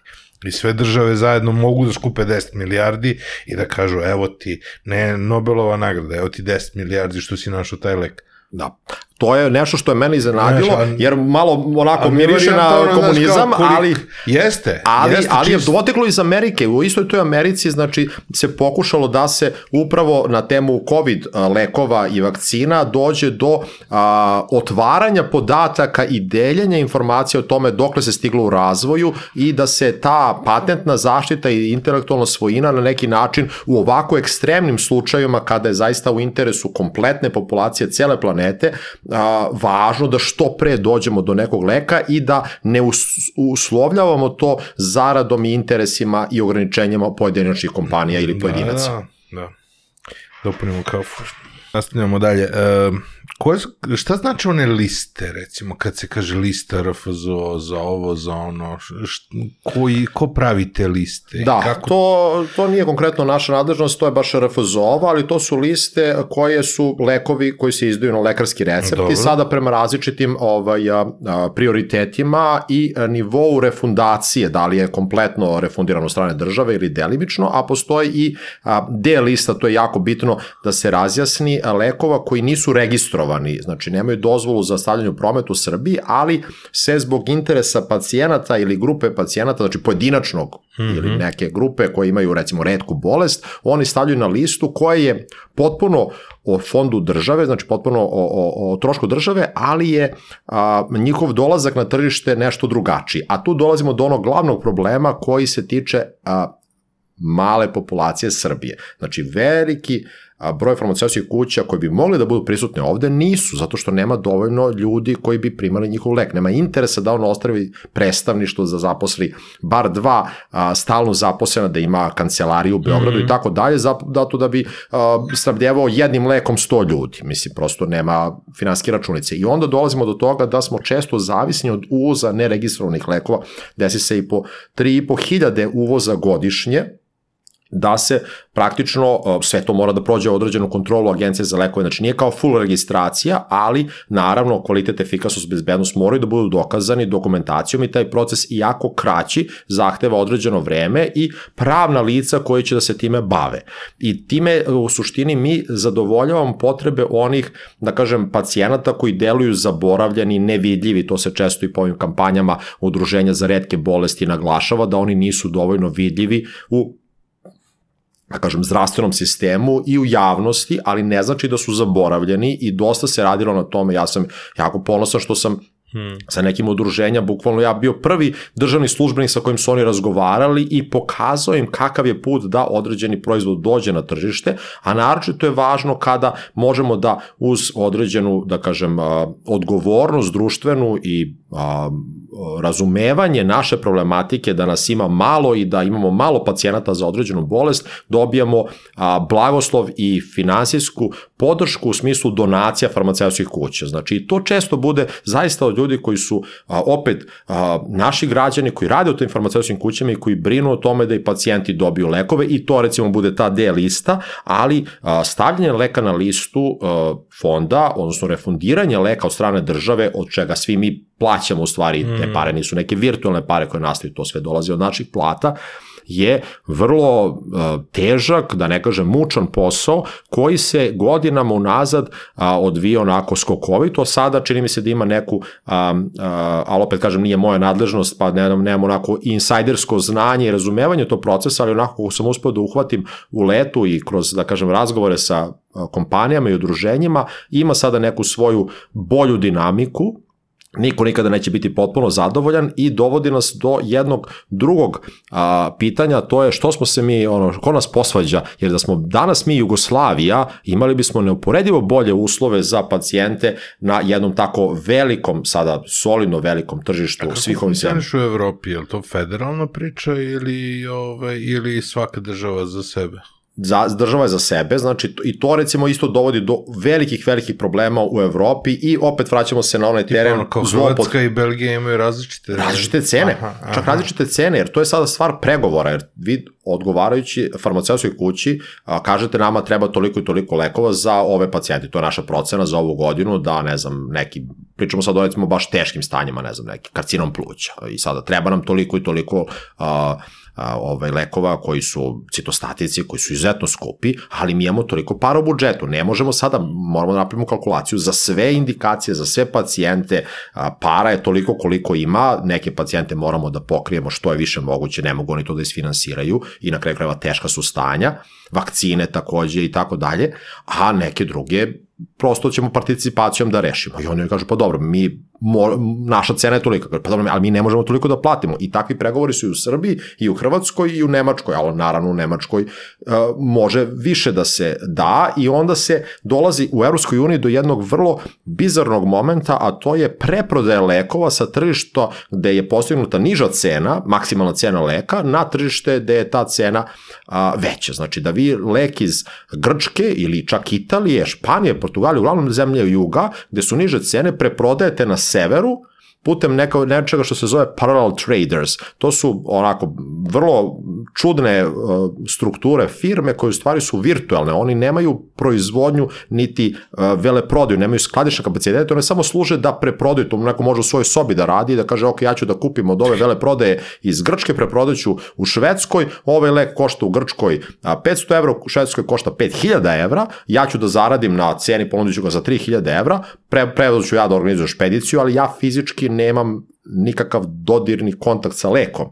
I naravno tu dolazi i do problema jer se a, često ti parallel traders ovaj, udruže sa recimo italijanskom mafijom, pa oni infiltriraju i lažne ili švercovane lekove u taj legalni lanac snabdevanja, obezbeđujući im legitimitet i dolazimo do problema kojim su se bavili u pro, projektu Mediteft, na primer, sa italijanskom agencijom za lekove i crnogorskom, gde smo se borili upravo protiv te pojave, koja nije samo pojava u Evropskoj uniji, već ima implikacije i na države koje pristupaju Evropskoj uniji. Znači da se a, legalni veletrgovci i, ili, da kažem, druge vrste apoteke i tako dalje pojavljuju kao saučesnici sa kriminalnim organizacijama i plasiraju u legalan lanac snabdevanja lekove koji u stvari su a, sumnjivog porekla ili potpuno falsifikovane. Kako ih oni uopšte operu, mislim. Kako... E, to je u stvari, a, prosto oni imaju legitimitet da mogu da izdaju a, dokumenta zvanična, jer oni su, da kažem, registrovani za to, kažem, ili ta veleprodaja ili ta, a, taj paralelna veleprodaja, paralelna trgovina ili apoteka. A mora da ima neki ulaz.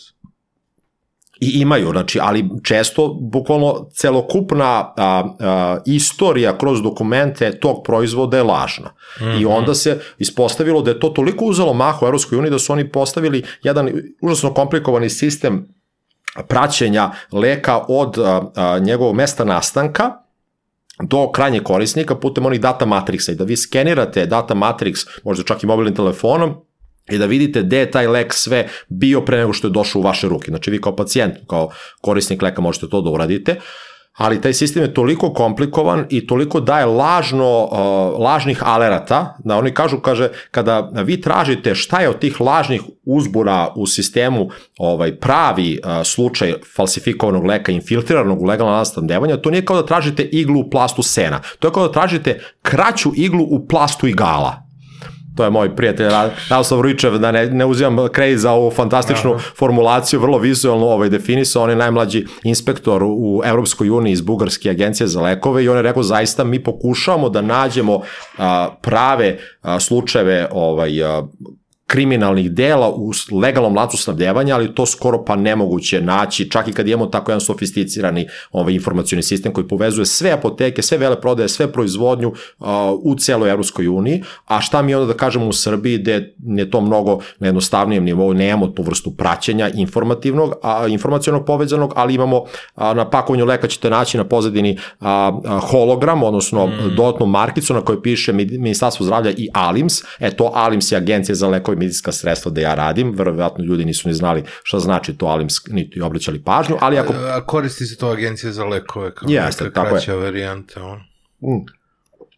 I onda, kažem, ovaj, to je neka vrsta zaštite, jer ipak to izdaje kovnica, odnosno zavod za ovaj, novčanice ovaj, i oni na neki način ipak štite, štite znači nju je teško falsifikovani, tako da ako vidite tu hologramsku markicu, ovaj, znate da je lek prošao našu kontrolu, mi to izdajemo agenciji za lekove, ograničeni broj, znači ne sme da se ovaj, izda više nego što se lepi na svako pakovanje leka i na taj način pokušavamo da je to zaštitimo, ali je vrlo, vrlo teško kada imate ono aktere u legalnom lancu snabdevanja koji su spremni da za određenu svotu novca saučestvuju sa kriminalnim mm. grupama. Opet ponavljam, rizik veoma mali, da vas uhvate, čak i kazne su u tom smislu nedovoljno definisane. Savet Evrope ima tu Medicrime konvenciju, čiji sam ja ovaj, promoter u okviru mojih aktivnosti a, kao predsednika komiteta za falsifikovane lekove, ali opet i da bi se ona primenila mora da se izmeni gomila zakona počeo od krivičnog zakonika, da se prepozna lažni lek kao posebna kriminalno delo i svaka druga manipulacija farmaceutskog zločina, to je sada nova definicija o kojoj ćemo baš pričati na simpozijumu koji organizujem sada po 18. put ovaj, ove jeseni. To je simpozijum koji okuplja sve a, u farmaceutskom sistemu mm. ovaj, u Srbiji i a, Evropi. Čak ćemo zvati, ovaj, prošle godine smo imali nekoliko predavača iz Amerike, a, iz, sa Harvard univerziteta i sa o, univerziteta Athens, to je čuveni Athens, ovaj, dakle R.E.M. i drugi bendovi, ovaj, a, inače sam bio tamo, ovaj, dok sam bio na Humphrey stipendiji u Atlanti, to je vrlo blizu grad, ovaj, jedno sjajno mesto i kažem, na tom simpozijumu ćemo pričati o farmaceutskom zločinu, pričat ćemo o različitim zloupotrebama koji se dešavaju u našoj sferi i naravno o nekim inovacijama, kako da recimo rešimo nestašice i tako dalje. Znači, ja se baš dosta bavim i tim organizacijom događaja gde mi a, kao državna institucija okupljamo sve aktere iz Srbije, sve naše međunarodne partnere, SZO, Savet Evrope, Evropsku uniju, Evropsku agenciju za lekove, bilateralne partnere i tako dalje. I svi pokušavamo da dođemo do odgovora na neka od gorućih pitanja koje nas iz godine u godinu ili recimo konkretno ove godine malo više brinu kao što je recimo pomenuti fentanil u Evropi, to je onako baš velika tema, o tome ćemo dosta pričati, a do, dovešću jednog predavača koji je ovaj, iz Tel Aviva i Jerusalima ovaj, prvi uveo u kurikulu a, farmaceutskih fakulteta a, predmet farmaceutskog zločina, tako da mislim da to je mhm. interesantno, ali i drugim temama koji su od životno bitnog interesa, naravno to bude i fond i ministarstvo za pacijente, kako doći do lekova, kako imati dovoljno lekova, blagovremeno dostupnih, kako imati prave informacije o lekovima. Kako imati ove nove lekove, znači, naročito znam da se sada priča o svim tim nekim mnogo, mnogo uspešnim lekovima i za HIV, i za hepatitis i ostalo, znam da mi tu kasnimo dosta. Aj samo, možda za, na kratko da se vratimo, da preciziramo onu priču vezano za, uh, za lekove kojima je ta dozvoljena uvoz i prodaja, a nisu registrovani. Ko ih uvozi i zašto taj ko ih uvozi ne može da ih registruje? Uvoze ih vele prodaje, znači Dobro. oni su stavili... Vele prodaja nema pravo da registruje lek. U određenim slučajima, ako je nadležna i za tu delatnost... Ako ne postoji predstavništvo. Da, ako ne postoji predstavništvo, postoje mogućnosti da se i neke vrste prava prenesu, ali opet mora da postoji onda odgovorna osoba za registraciju i za farmakovigilancu, odnosno na praćenje neželjenih efekata lekova. I u tom slučaju prosto a, ni vele... Kako su vele prodaje oslobođene toga? Pa one se ne bave time, to nije njihovo Aha. dominantno, oni se bave jel te, vele prodajom, plasiranjem lekova, odnosno transportom od mesta proizvodnje do a, ovaj, mesta gde će mm -hmm. se mhm. ovaj, koristiti apoteke ili bolničke apoteke, ali ne bave se dominantno a, onim što je u stvari posao farmaceutske a, kuće, odnosno a, proizvođača ili predstavništva, tako da u tom smislu one mogu da uzmu jedan deo te uloge, ali u ograničenom obimu i to onda nije prava registracija, znači mm -hmm. i mhm. zato je taj postupak nešto što mi pokušamo da minimiziramo, jer već tu ulazimo u jednu zonu koja nije popularno reći, ali nije isto kao full registracija, znači koja zahteva 210 plus 30 plus 30 dana, to je znači jedan vrlo dug proces u kojem mi veoma temeljno prolazimo kroz svaki aspekt proizvodnje leka, ovaj uvoz neregistrovanog leka je ono što se kaže neophodno sredstvo koje se koristi kada je baš nužda i kada nemamo drugog rešenja. Mm -hmm. Znači, ne treba to da bude pravilo, već izuzetak. Ali, opet vraćajući se na osnovni problem malog tržišta, dolazimo do toga. Zamislite kako je tek u Crnoj Gori, pa tamo se dominantno radi uvoz neregistrovanog leka. Znači, jer kome je u interesu za tako malo tržište da ulazi u troškove registracije, otvaranja predstavništa i tako dalje. A kada imam pred... sad, kada, bi, kada se ima predstavništvo i kada ta firma dolazi recimo iz ajde, švajcarske, već smo pominjali iz recimo, pa ovaj, da, da, da, ne pre, da, da ne širimo dalje priču. Uh, da li postoji uh, trošak koji je prevelik za kuću koja već ima predstavništvo, da neki lek koji koristi na nekom većem tržištu dovede i u Srbiju. Da li oni imaju deo svog portfolija koji moguće, je nedostupan? Moguće je da se, da se, da kažem, uslovno se pravi ugovori, to se često radi. Mi smo, nažalost, imali situaciju da mnoge velike farmaceutske kuće tipa GlaxoSmithKline odu iz Srbije. Ne isplatim se više da budu ovde, ali to ne znači da su ti lekovi nestali sa našeg tržišta. Oni su -hmm. prebačeni na druga pravna lica koje sada njih a, pre svega registruju, obdržavaju tu registraciju, tu ima stalno tih varijacija, izmena proizvodnog mesta, u pakovanju neke nove indikacije, neke nove a, neželjene reakcije koje se otkrila intenzivnim praćenjem, upozorenje i tako dalje. Ima stalno tu nekog posla, ali nije isto kada vi ste svoja firma i promovišete svoj lek i kada to radite uslužno za nekog drugog. Prosto nije ista vrsta posvećenosti i truda i investicije, vremena u marketingu, terenski rad i tako dalje. Znači, pregovaranje sa fondom, sa državom, kada se to radi za nekog drugog po ugovoru. I onda mm -hmm. prosto nema ni toga, te vrste, da kažem, zarade i na kraju krajeva mi, makoliko sad ono se vrteli oko tog slona u prostoriji, mada je mala prostorija, ali slon je prilično veliki, sve se ovo na kraju svodi na to koliko će farmaceutska industrija zaraditi. Postoje moralni principi, etičnost, načela, ideja da se reše određeni javnozdravstveni izazovi i problemi, ali na konačnom sledu, ako nema zarade, oni neće ući u to. Vraćajući se na onu temu vezanu za Indiju, farmaceutske kuće kažu, pa dobro, mi više nećemo da proizvodimo nove lekove. Evo vam ovo što imate, to vam je što vam je. Pa zamislite kako će izgledati svet za 10-15 godina kada istrošimo i poslednji rezervni antibiotik. Jer mi sada se uveliko lečimo i tu je Srbija bila do nedavno jedan od svetskih lidera u prekomernoj upotrebi antibiotika. A vi kada naučije te bakterije na određeni antibiotik, kada one svate kako on funkcioniše, mm. kada se a, evoluiraju u o, genetski u rezistentne bakterije ili viruse na određenu terapiju, taj lek postaje zastareo, znači on više ne deluje nikome. I šta sad dolazimo do toga? Do nove buduće pandemije, ja se time dosta bavim i sa SZO sarađujem, ja sam deo tima ovaj, radne grupe vrlo a, prestižne na zadatu koji se zove Preparedness 2.0. Znači mi se pripremamo za evropsku regiju SZO, a na osnovu nekih planova i strategije na svetskom nivou, šta će biti sledeća pandemija ili sledeća javno-zdravstvena kriza za evropski kontinent. I pretpostavka je da to može biti neka nova superbakterija ili virus koji ima pandemijski potencijal i bakterije su posebno zanimljive, apropo Indije. A, tamo se dosta a, krše i ovaj a, principi zaštite životne sredine. Ispuštaju se, to se već pojavilo u određenim rekama a, gde su farmaceutske kompanije a, ispuštale a, rezidue proizvodnje antibiotika i formirale su se takozvane superbugs, super mikroorganizmi koji su rezistentni na sve postojeće a, a, antimikrobne terapije. Znači, ne postoji antibiotik koji može da izleči decu koja su se kupala u toj reci i šta sprečava taj mikroorganizam koji prosto ono je slobodan, niko njega ne ograničava, nema on pasoš, ne mora on da se zaustavi na jednoj granici da dođe do Evrope, Amerike, Japana ili bilo gde drugde, ajde Australije, kao što e, je i SARS-CoV-2. E, to može da bude scenarij za neku fikciju. Upravo tako. Ja sam inače napisao ovaj, scenariju sa Dušicom Novaković neposredno pred pandemiju i dobio podršku Filmskog centra Srbije kao i za neke druge moje projekte, ovaj, ali to je još bio u fazi razvoja scenarija. Zvao se Prvi jahač. Radilo se o a, pandemiji koja kreće iz Srbije i onda obilazi ceo svet, neka vrsta a, ove, variole vere na steroidima Aha, aha. i to smo prilično onako ambiciozno zamislili. Prvi jahač kao jedan od jahača da. apokalipse, prvi jahač je bolest, pa onda idu glad, ove, rat i smrt. I ovaj, to je dobilo lepu podršku, mi smo napisali taj scenariju, a posle nikom neće verovati da smo mi to smislili pre. A mislim, sigurno da nismo bili jedini koji smo razmišljali o tome, ali interesantna je ideja pričati o tome, mada mislim da smo se malo zasitili pandemije, ali ne znači da se ne spremamo za sledeću. Kako ne? A reci mi ovo, e, registracija lekova koja, kol, koliko traje?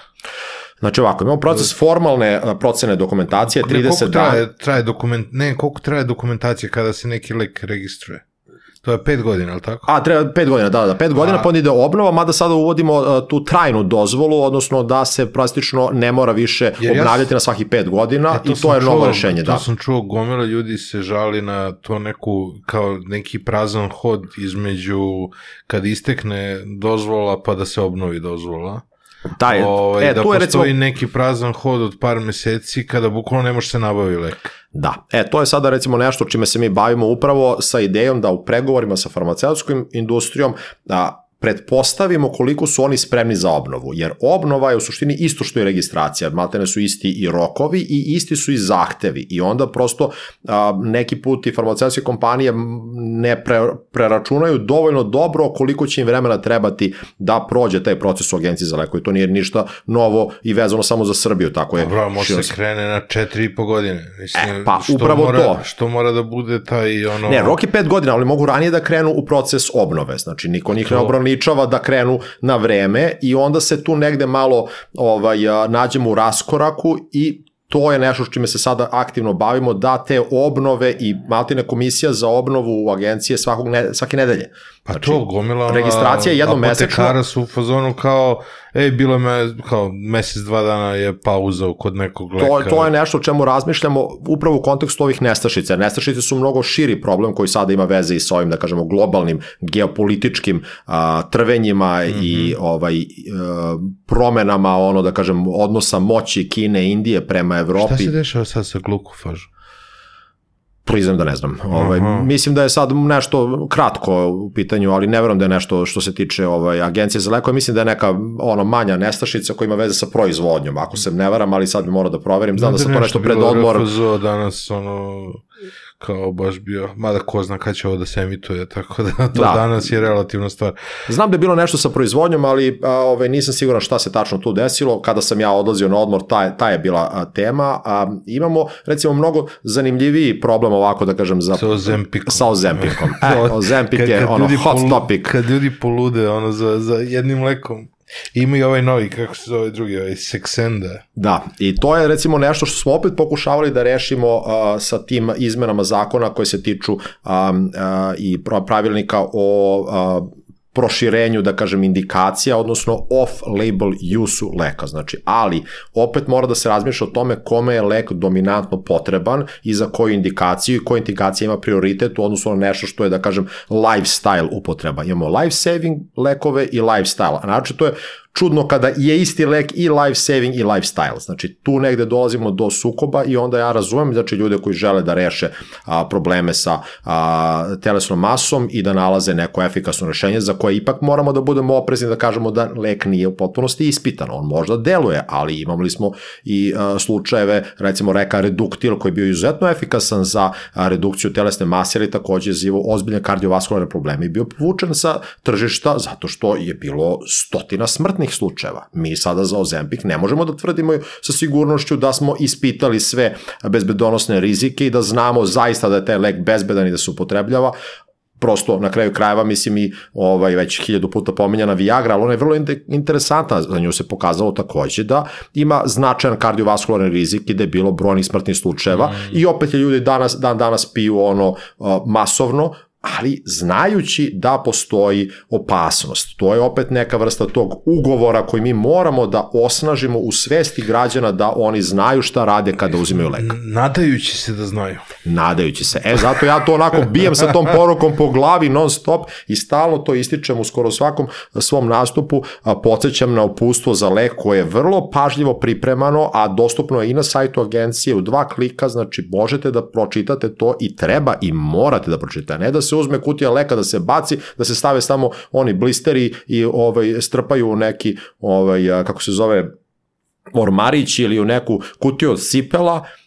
I sam, mea culpa, priznajem da istu takvu kutiju cipela imam i da mi nestaje dovoljno prostora i onda da odbacim kutiju. A na Da kutiji poveća- piše, Da se poveća font. Ali to je dobro zato što sad imaju po sajtovima, pa onda možda povećaš font. Ali, da, ali Jer sada ono, recimo... ono je suludo, ono ne možeš da čita, prosječno, Da. znači ti kad si prošao ono tinežerske godine, ti više ne možeš da čitaš ono upustu za lek. Mislim, Jeste, ono. ali mora da se obrati pažnja i na a, rok upotrebe i na način čuvanja i sve te bazične stvari koje mi utižemo na prvoj godini farmacije, ipak, e, ako je trebaju da budu opšta kultura, su većini ljuda, ljudi nepoznate. Kao što nam je opšta kultura da peremo zube ili da se kupamo i da na neki način održavamo neku higijenu tela, usta, takođe treba da održavamo i higijenu naše farmakoterapije i da pratimo dobro šta radimo i šta pijemo i da razmislimo o tome da kada leku istekne rok upotrebe ili se čuva na neadekvatan način, da on nije samo a, izgubio dejstvo, već da potencijalno može da raz, razvije neke određene nus proizvode hemijskim putem koji foto delovanjem ili temperaturnim ili a, vlagom i tako dalje. Recimo, činjenica da mi često čuvamo lekove u kupatilu gde su pod uticajem vlage. Prva, ono, i osnovna greška, mislim, to je recimo nešto o čemu ljudi uglavnom ne razmišljaju, a to ja mislim da treba da bude deo opšte kulture da to učimo u osnovnoj školi, kao što sam insistirao da se i o falsifikovanim lekovima i o vakcinama uči u osnovnoj školi. Sa falsifikatima sam uspeo, vakcine su sledeće.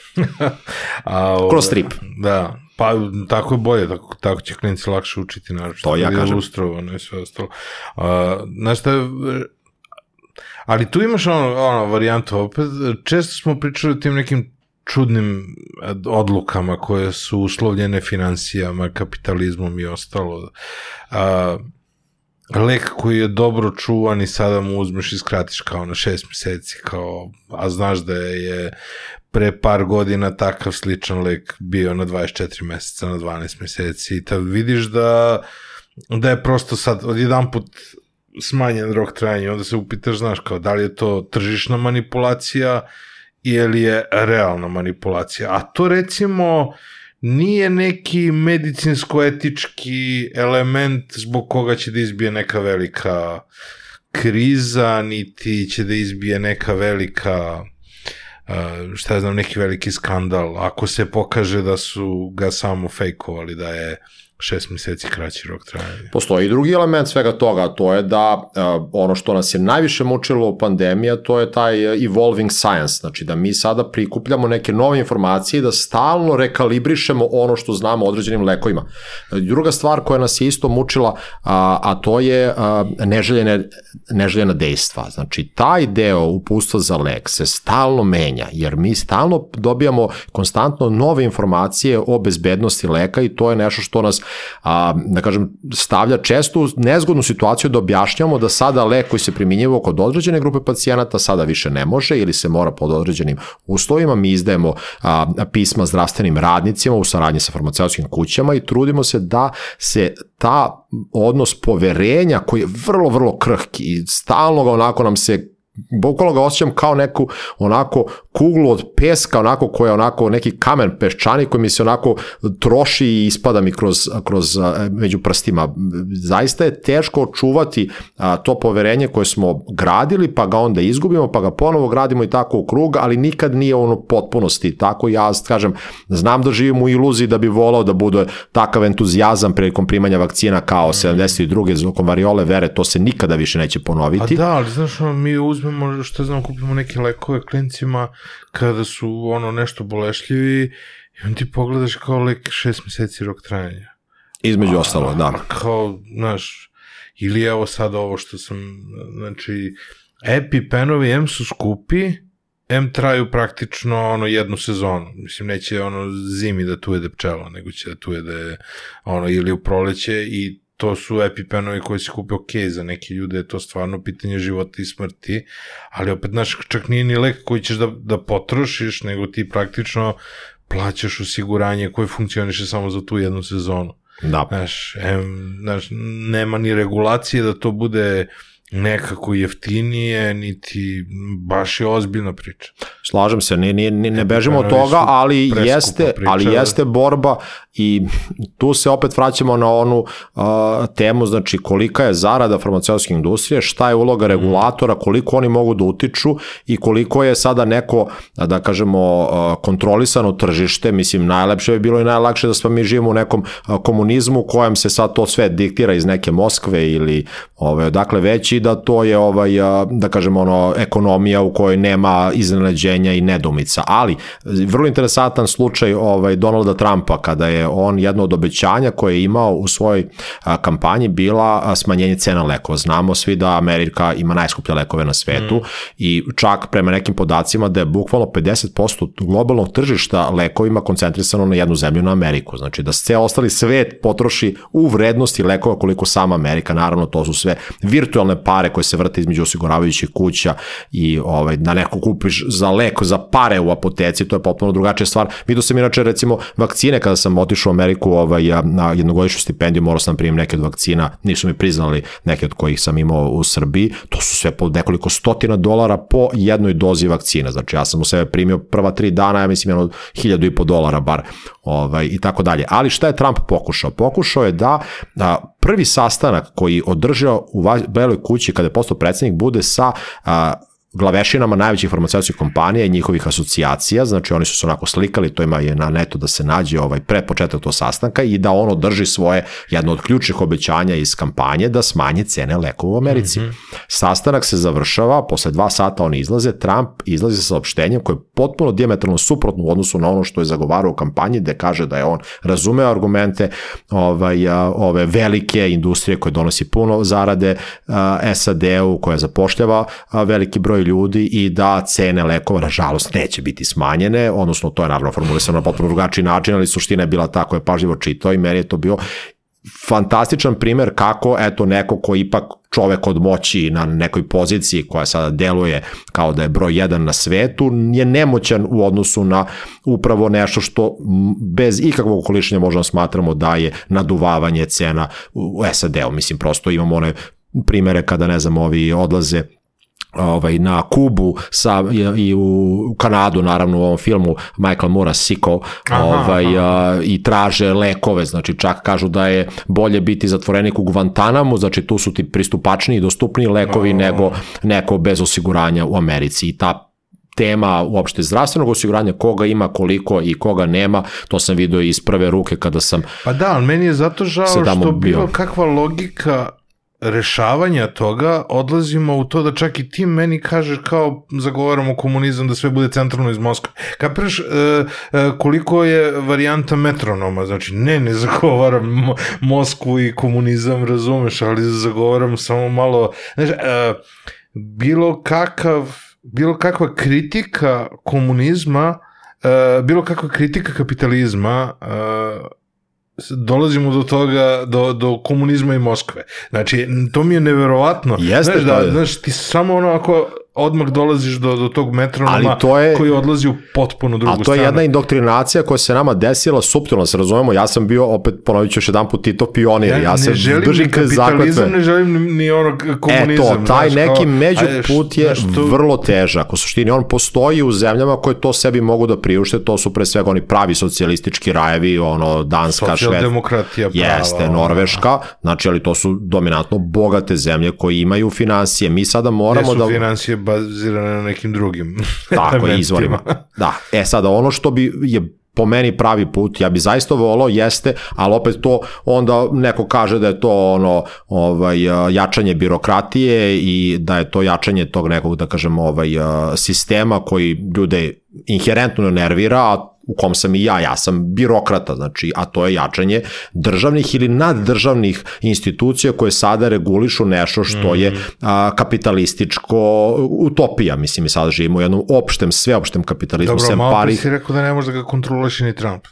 Ne može ni Trump, ali ako bismo se i ono što se pomenuo ranije svi udružili, e onda ima šanse. I to se na trenutak videlo, nazrelo tokom pandemije, kada je stvarno bilo teško i kada je i Biden tražio ovaj, njegova administracija da se popuste a, ti zakoni i da se dozvoli da se ranije dođe do recimo onoga što je Indija obezbedila svojem stanovništvu već a, deceniju i više, a to je da se a, ograniči u stvari patentna zaštita za mm. lekove i da se tim putem dolaska ranije do generičkih lekova ili ovoga što si pomenuo, što je vrlo interesantno rešenje da se do nekim nagradama, stipendijama a, pospešuje ta naučna istraživačko zajednica koja bi onda dolazila i koja je u stvari pravi generator. Nisu farmaceutske kuće a, u tom smislu, naročito za ovu biotehnologiju, oni koji ovaj, guraju stvar, znači nego su upravo te male biotehnološke kompanije inovativne Koji koje isto stvaraju... možda finansiraš iz državnih fondova. I to bi bilo Šta još teško, bolje, a m, a, ja sam veliki zagovornik, pošto ne samo zato što sam ekspert za Saveta Evrope, EU, već zato što mislim da je to pravi put udruživanja, jer smo pokazali na primjeru Srbije malog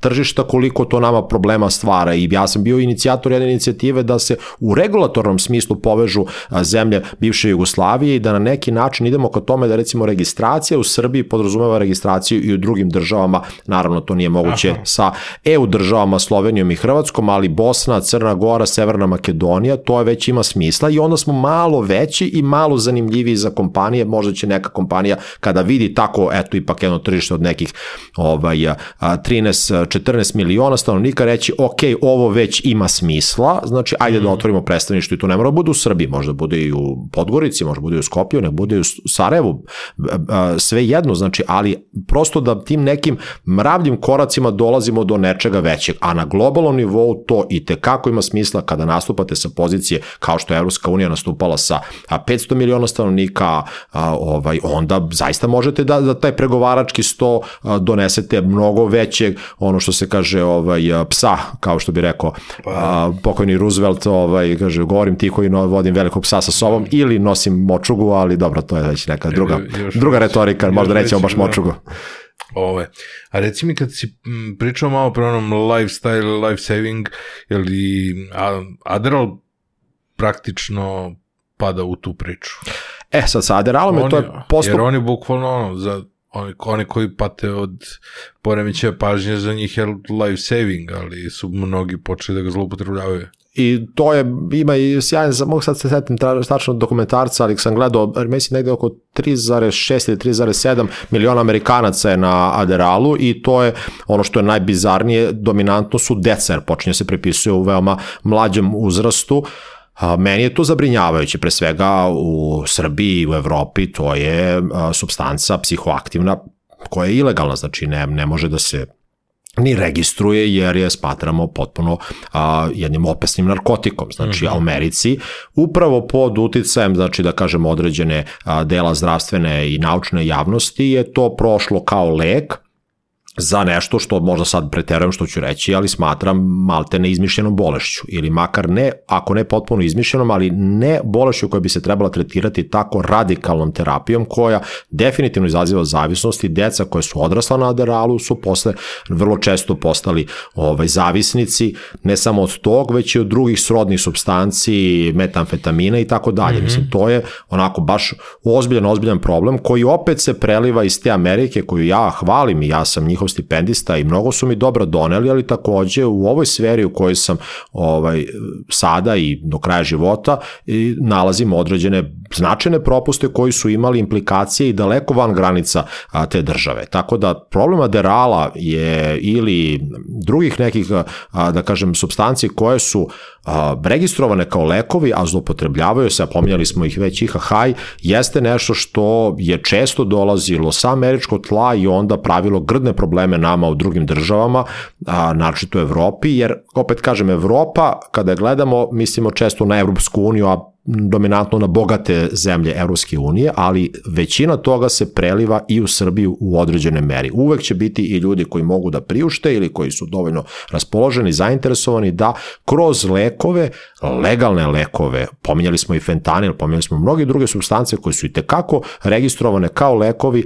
a zlopotrebljavaju se na najrazličitije načine. I To je nešto što a, regulatorna tela, nacionalna i nadnacionalna i tekako kritički moraju da a, osude i ja sam se tim o tome oko toga dosta bavio a, upravo u Savetu Evrope u telima u kojima a, sam angažovan i ne samo angažovan, već sam i funkcioner, kažem bio sam predsednik jednog komiteta, sad sam čak i na jednoj još većoj funkciji, makar do septembra, vidjet ćemo posle šta će biti, ali a, upravo sam tu pokušavao da otvorim diskusiju, da kažem da iako te institucije, pa i sama Svetska zdravstvena organizacija ima savetodavnu ulogu, oni nemaju izvršnu moć, Aha. da bi se ipak trebalo a, a, raditi na tome da određena vrsta obaveznosti njihovih preporuka a, treba da bude a, implementirana u državama koje su već odabrale da budu članice. Znači SZO kao takva, meni je to žao da kažem, ali a, u suštini a, kompletna SZO ima budžet kao jedna prosečna američka bolnica. To je smešno koliko sela ta a, ogromna organizacija iza koje stoji rad još više eksperata kao što sam ja, mi svi radimo volonterski, niko od nas nije plaćen za radi za SZO, mm -hmm. znači jedan mali broj ljudi je tamo zaposlen, svi mi ostali pomažemo i doprinosimo radu SZO iz entuzijazma, ali svi mi u suštini a, se zasivamo na jednom a, poverenju koje ta institucija i neke srodne institucije, UNICEF, na primjer, to je moj san da radim jednog dana u UNICEF, to bi spojio moje strast, pomoć, pomoć deci i onoga što volim, naročito u kreativnim industrijama da radim. A, kažem, svi mi u stvari a, a, arčimo jedan a, potencijal poverenja da mi imamo neku moć. Nemamo. Znači, sve to SZO kaže, pa i ove preporuke za pandemiju su u stvari bile opcionalne. Video se da neke države su poštovale, neke nisu, prosto to je njihovo... Upravo tako. I kada tako postavimo stvari, onda kažemo pa ko u stvari ima moć? I vraćajući se na prethodne teme, videvši da postoje ogromni, ogromni problemi, nejednakost, nepravda, Treba, equity, koja je ključna buzzword. građanin da ima moć. Ali taj građanin je teško i redko organizovan. Znači, da bi on artikulisao tu moć, on može da izađe na ulicu da se prvo dere. Prvo je pitanje kako je informisan na, na početku. Znači, prvo je preduslov da bude informisan.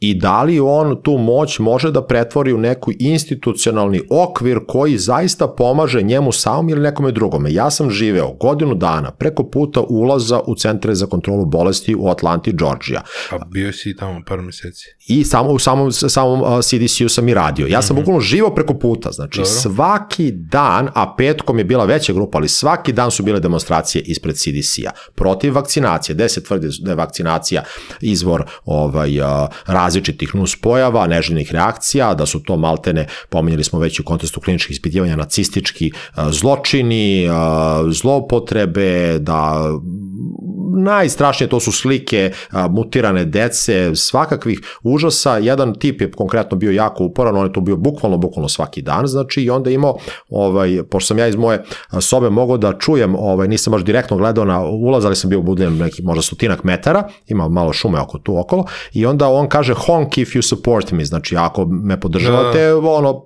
svirnite.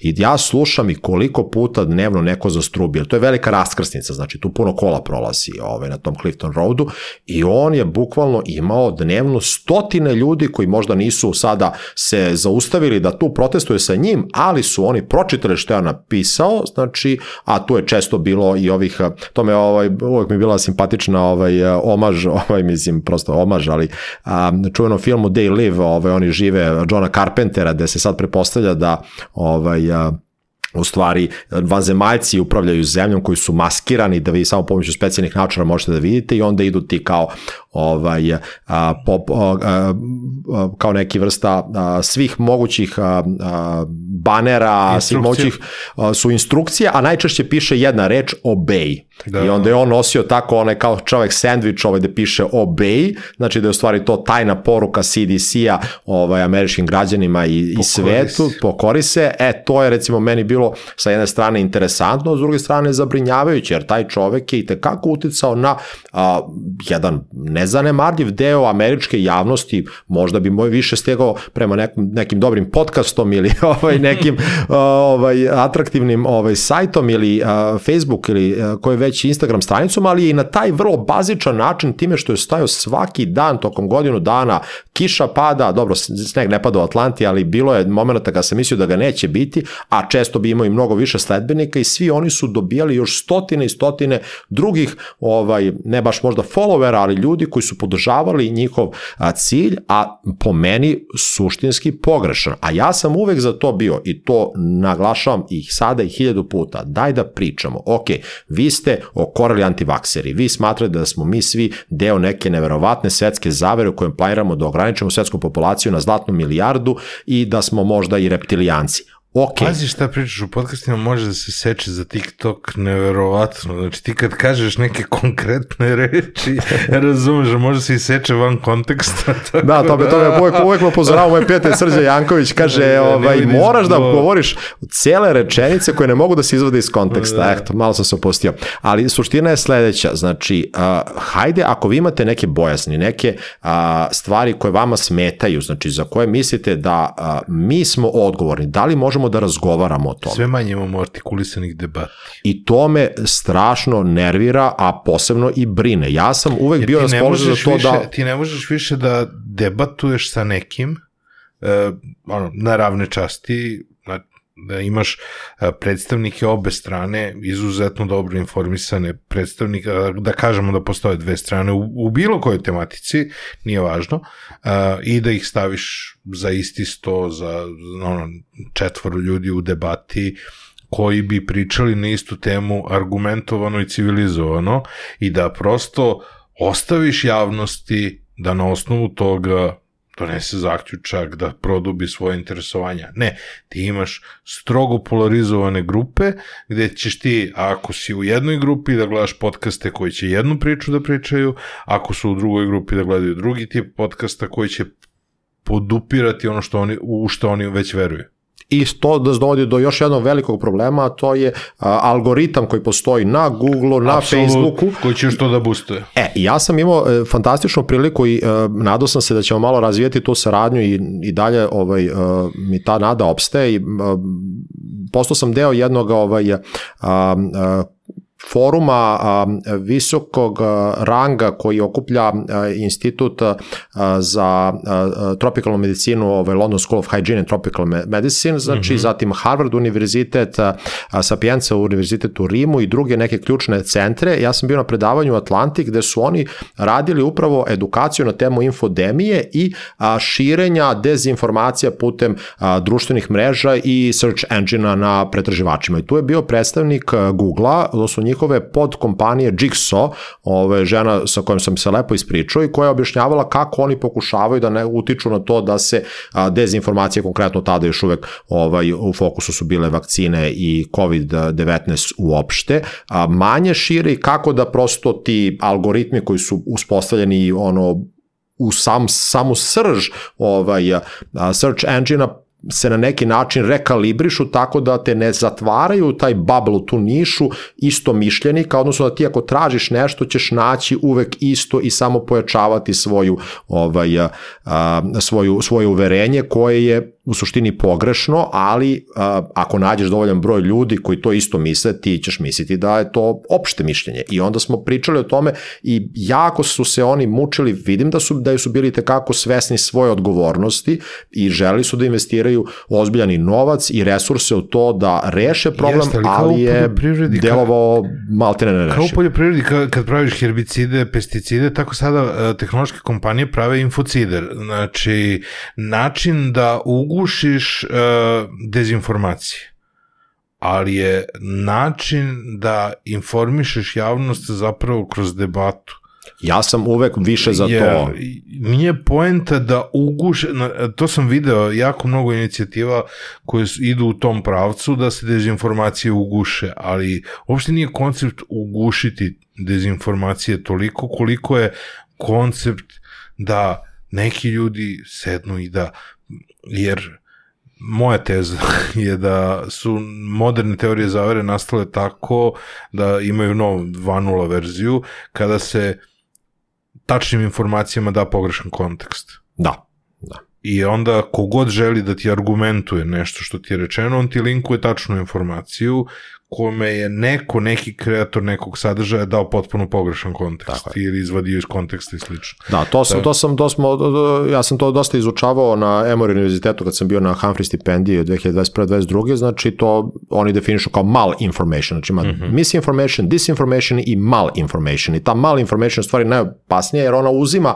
istinite činjenice, ali ih izvrće na način koji onda im daje drugačiji kontekst i mi smo to recimo videli tokom pandemije, to je isto javna stvar kad su se pojavili određeni dokumenti, um, sertifikat analize Agencije za lekove koji je nije javni dokument, znači mi možemo da okračemo na naš sajt i to je javno dostupna informacija da i za sertifikat analize, ali sam dokument kao takav je poverljiv, prosto to je između nas i farmaceutske kuće. I on se pojavio skeniran na a, Twitteru, ali gde su potpuno naglašene neke informacije iz tog dokumenta koji su naglašavale kao da lek nema dozvolu za promet. U tom trenutku uvoz vakcina je bio putem postupka neregistrovanog leka. Znači, i to nije nikova tajna, to se znalo, znači, mm -hmm. to je mhm. potpuno bila javna stvar. Ali kada je na taj dokumentu koji je delovao tajno i kao neka sad veliko otkriće, čak su i određene političke stranke ovaj, to koristile, naravno posle kad se izašao naš demanti da stavljamo to u kontekst, znači onda su povukle te tweetove i izbrisali ih, ali je bilo vrlo problematično kako je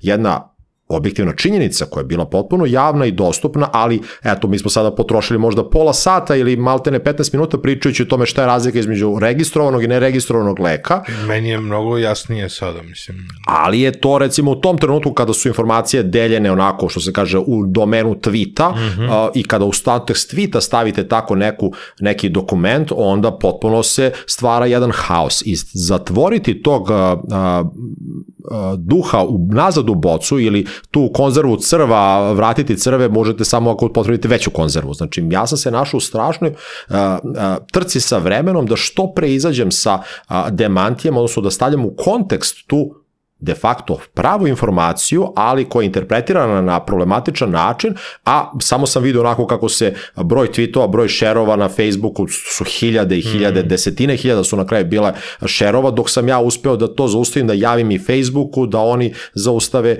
širenje i tako dalje. Mislim, prosto mi smo kao opet birokrate često spori i u ovo doba a, društvenih mreža i drugih vrsta sadržaja koje se dele u sekundi, naš način odbrane od toga je žalosno neefikasan. Ja ne bežim od toga, ali prosto volio bi ja da imam neko odeljenje u kojem bi mogao da radim nešto i da dobijam odobrenje za tu vrstu akcije ono u sekundi, mislim, ali to je, nažalost, su puste želje. I onda se vraćamo na ono što je a, duža i teža borba, ali mislim ispravna, to je ta diskusija na kojoj ja insistiram i tokom pandemije sam se često nalazio na vrlo neprijateljskim forumima i trpeo razne vrste uvreda, pa čak i pretnje smrću, ja to inače imam već deseta godina i više od toga, apropo pitanja šta sam radio prvi deset godina pre pandemije, ja sam se borio, bila je još jedna pandemija koju smo poprilično zaboravili, ovaj, svinski, svinski grip, svinski grip ili H1N1, ali nas je on mnogo toga naučio. Mene je naučio kako da se suočavam i da komuniciram sa građanima, sa različitim grupama, različitim ciljnim mhm. javnostima i da budem pre svega odmeren, strpljiv, ali takođe moram da kažem i da zaštitim a, sebe, ja sam od tada već imam dosije u policiji u kojem se evidentiraju pretnje smrću upućene meni. Znači, i to su pretnje koje su dolazile sa nepoznatih brojeva, a, teško ih je istražiti, ali su mene poprilično zabrinule, ovaj, a bilo je čak i mailova gde se onda utvrđivalo da su to ljudi koji su psihijatrijski bolesnici i tako dalje, ali nije, nije prijatno uopšte kada dobijete nekoga a, upozorenje da znate gde živite, da znate gde parkirate, da znate ko su vam članovi porodice i da će svi one snaći sudbina ako ja pokušavam da nastavim da promovišem vakcinaciju, na primjer. I to je isti slučaj. Čekaj da se ne plašiš, moraš da ih, da kažeš da se plašiš i da bi prijavio i... I to da, i to da, ali sam imao vrlo interesantan razgovor sa Carlos Derlijom, profesorom, inače sa Emory univerziteta, baš sa odeljenja globalnog zdravlja, da sam ja mm -hmm. studirao godinu dana. On je jedan od vodećih uz Anthony Fauci, naravno mnogo poznatijeg, um, ovaj, uh, i ne samo uh, zdravstveni stručnjaka na temu vakcinacije, epidemiologije u pitanju, već već čovek prosto koji je non stop na CNN-u, zašto? Zato što je CNN u Atlanti, pa njima zgodno da pošalju ekipu na Emori koji je udaljen 15 minuta, ovaj, a, da, u špicu 30 minuta, ali nema veze i da onda da izjavu. Ja sam ga pitao na jednom, a, na jednoj konferenciji, ovaj, Emori tu je CDC.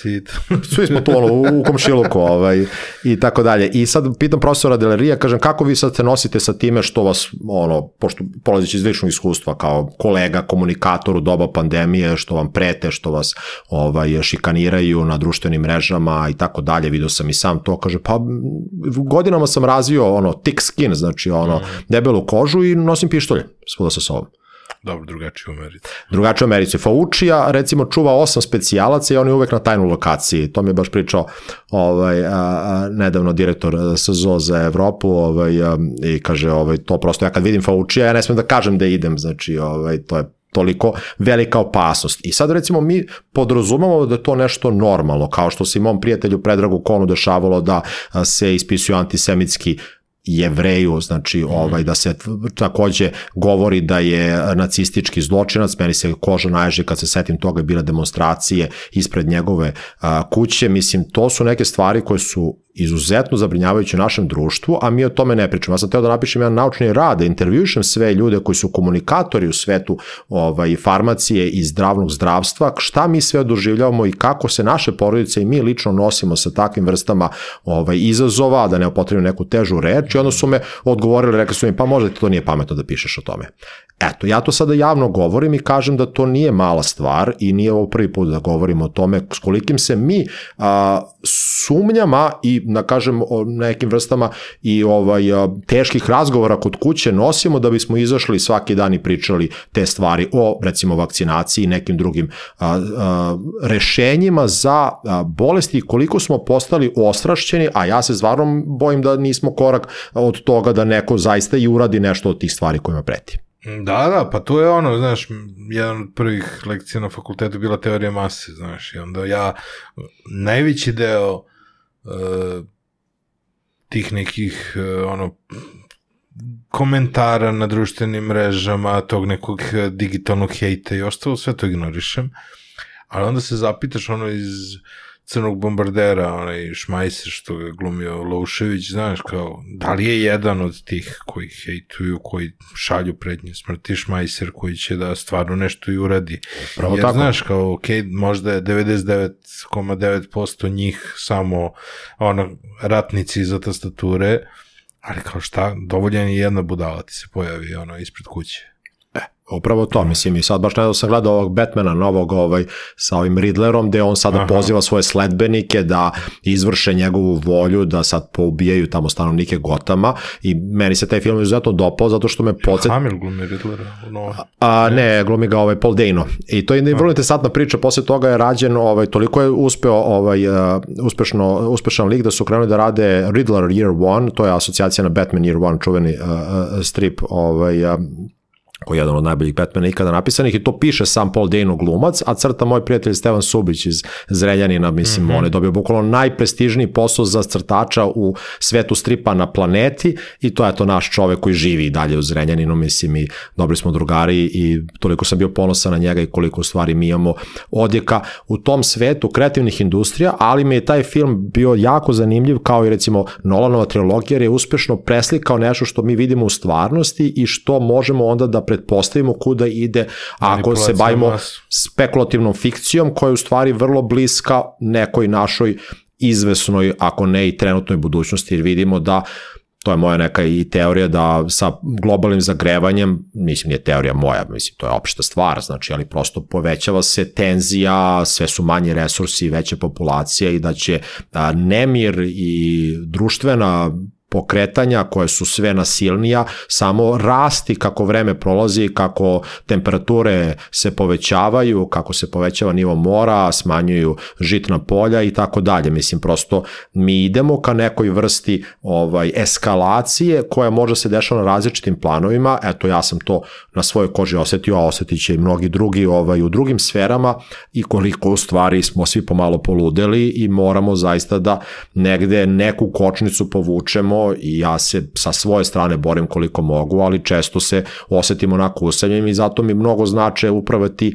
odnosi poverenja i prijateljstva kao sa Srđom, sa Konom, sa mnogim drugim ljudima koji su prošli mnogo toga i pre pandemije, kažem mi smo tu bili kad je bila H1N1 pandemija, ispekli mm. smo taj zanat i shvatili šta nas u suštini čeka, a sledeća pandemija samo će biti gora, a to neće biti jedini problem koji nas suočava. Ja kažem, pravimo sada katalog rizika za evropski kontinent u perspektivi u SZO i ti rizici podrazumevaju i a, zemljotrese, eto, Tursko je bio najveći zemljotres u Evropi poslednjih stotinu godina, ratove, a, meteore, asteroide. Dobili smo prva tornada kod nas. Upravo tako, znači klimatske promene, ali i nešto o čemu uh, ne govorimo dovoljno, to je da smo mi najstariji kontinent i da nam samo sledi sve veći i veći izdatak i za te lekove o kojima smo se bavili najći deo ovog podcasta i za druga rešenja i medicinska sredstva, veštačke kukove, skenere i razne druge načine kako da eto mi svu tu populaciju koja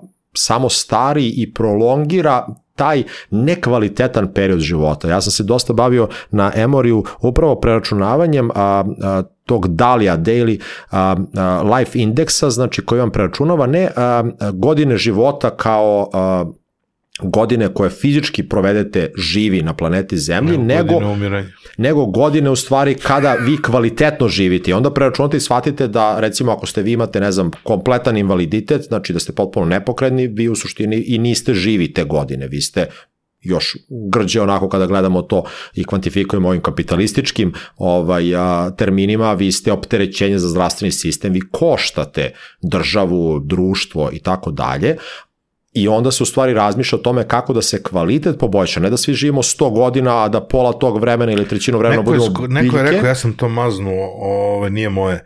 Uh, mi svi pričaju o tome da živimo duže, mi samo duže umiramo.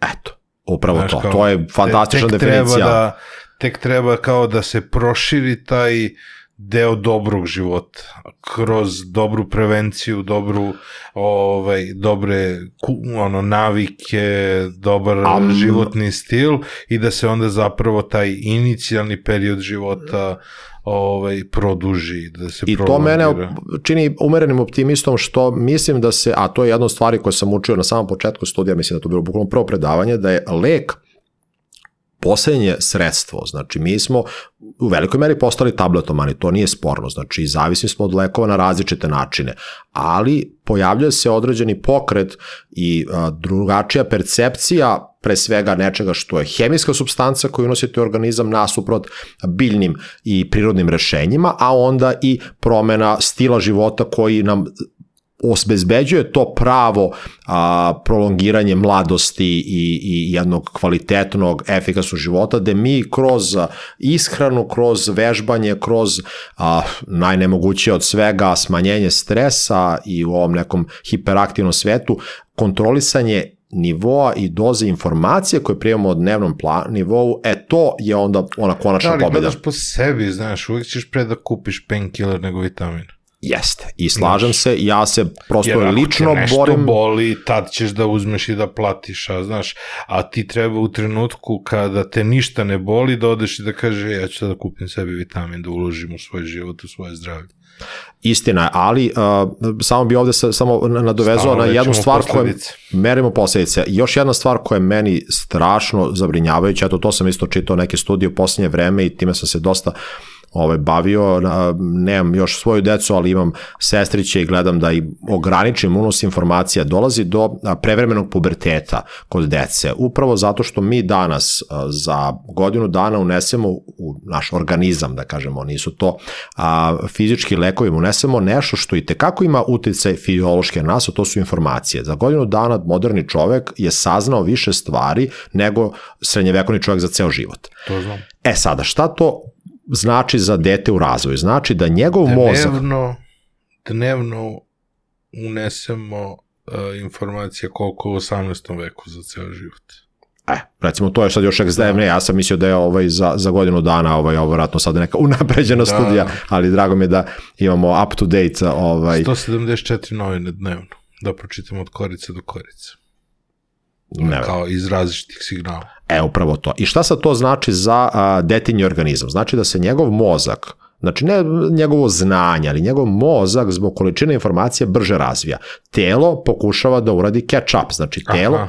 počinje da luči hormone jer svata da se nešto dešava, mozak svata se prebrzo, da... svata priključak i dobijamo devojčice koje dobijaju menstruaciju sa 8-9 godina. Dobijamo dečake koje dobijaju sekundarne polne karakteristike ovaj, pre 10. godine. To je, to je nama, što se kaže, informatička četvrta a, industrijska revolucija dala Znači, to je nešto o čemu se uopšte ne govori, a sada je već potvrđeno naučnim činjenicama. Nije to sada na globalnom nivou pravilo, ali sve češće dolazi do prevremenog puberteta koji naravno ima određene i zdravstvene negativne implikacije, što sve dovodi do toga da ćemo ranije postati upravo ti zavisnici od lekova, jer to mora neko da se kontroliše, neko da se usporava, da se rešava i tako dalje i tako dalje i mi postajemo pacijenti već u svom a, ranom, ranoj mm -hmm. mladosti pred pubertetskom periodu po godinama, što nas dovodi do toga da se ta zavisnost, koja je meni veliki fokus od lekova, produžava i samim tim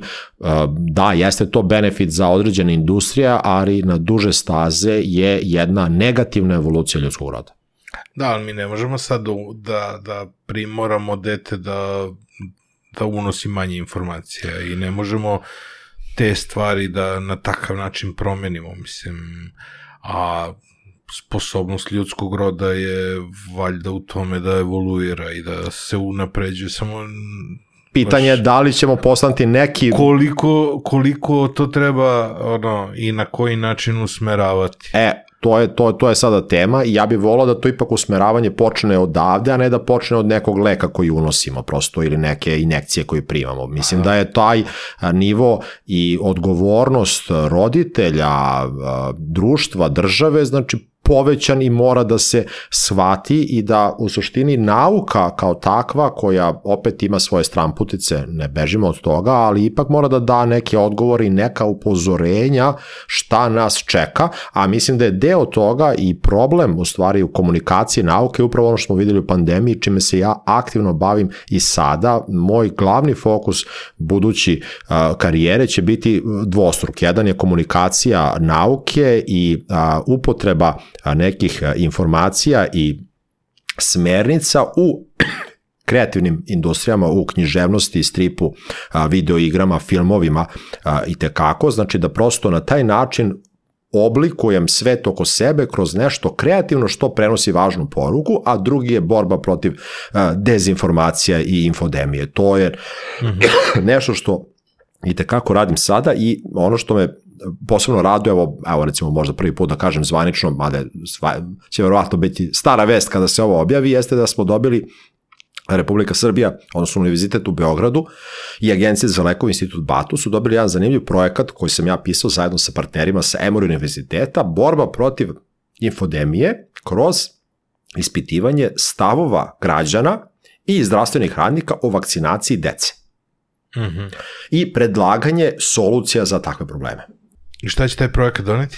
A, projekat je zamišljen uh, da, da pre svega uradimo seriju uh, naučno koncipiranih uh, intervjua sa zdravstvenim radnicima, a, to su pre svega pedijatri, lekari opšte prakse, na temu dečje imunizacije. Znači ne bavimo se COVID-om, bavimo se upravo onim što je a, indikator problema u obuhvatu imunizacijom, a posledično problema koji imaju veze sa poverenjem zdravstvenih radnika i roditelja, odnosno pacijenata, roditelja pacijenata mm -hmm. u imunizaciju, a onda i u javno zdravstvene mere, pa onda se to diže na viši nivo u poverenje u institucije i nauku uopšte.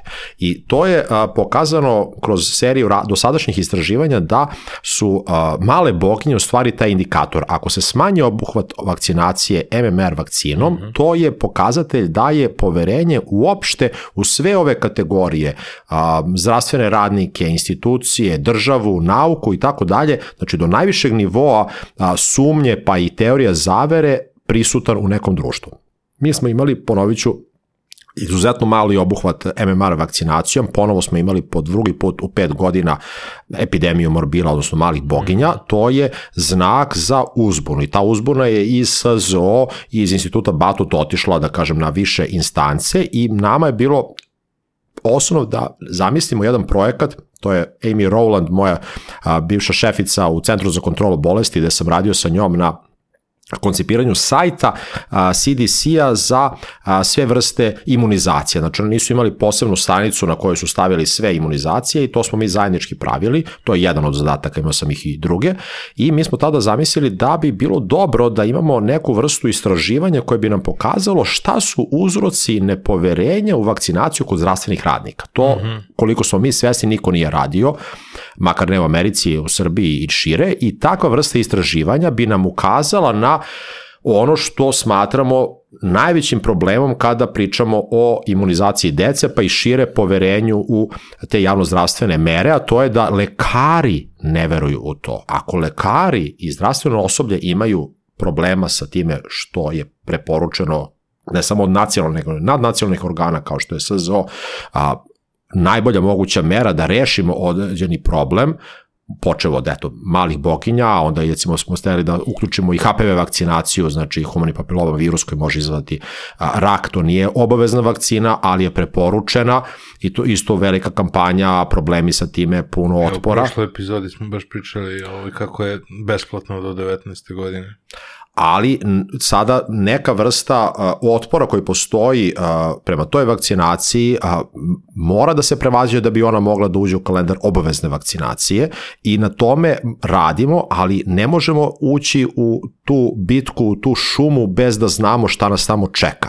Moramo da znamo koji su stavovi i pacijenata, odnosno roditelja i a, dece školskog uzrasta i zdravstvenih radnika koji tu vakcinu treba da preporuče. I sad je to vrlo teško kako to formulisati, a da prosto nekog ne a, izazovemo da kaže neću ja da ovo popunjava, mene to ne zanima, prosto moramo doći do tih informacija i do preporuka kako određeni otpor, a, nerazumevanje, neznanje, nesporazum ili otvoreno a, neprijateljstvo i otpor prema određenim intervencijama prevazići ići. Znači, to je nama potrebno, a zašto su tu uključeni pored Beogradskog i a, sa farmaceutskim medicinskim fakultetom i Emory univerziteta i ALIMS, Agencija za lekove i BATU, zato što mi želimo da izmerimo i koliko je poverenje u nas. Znači, kada mi kažemo da je neka vakcina bezbedna, da li nam građani veruju, da li nam zdravstveni radnici koji tu vakcinu preporučuju veruju, ako ne, zašto ne? Koliko ne, da se sve to kvantifikuje. Lako je reći, a pa to su društvene mreže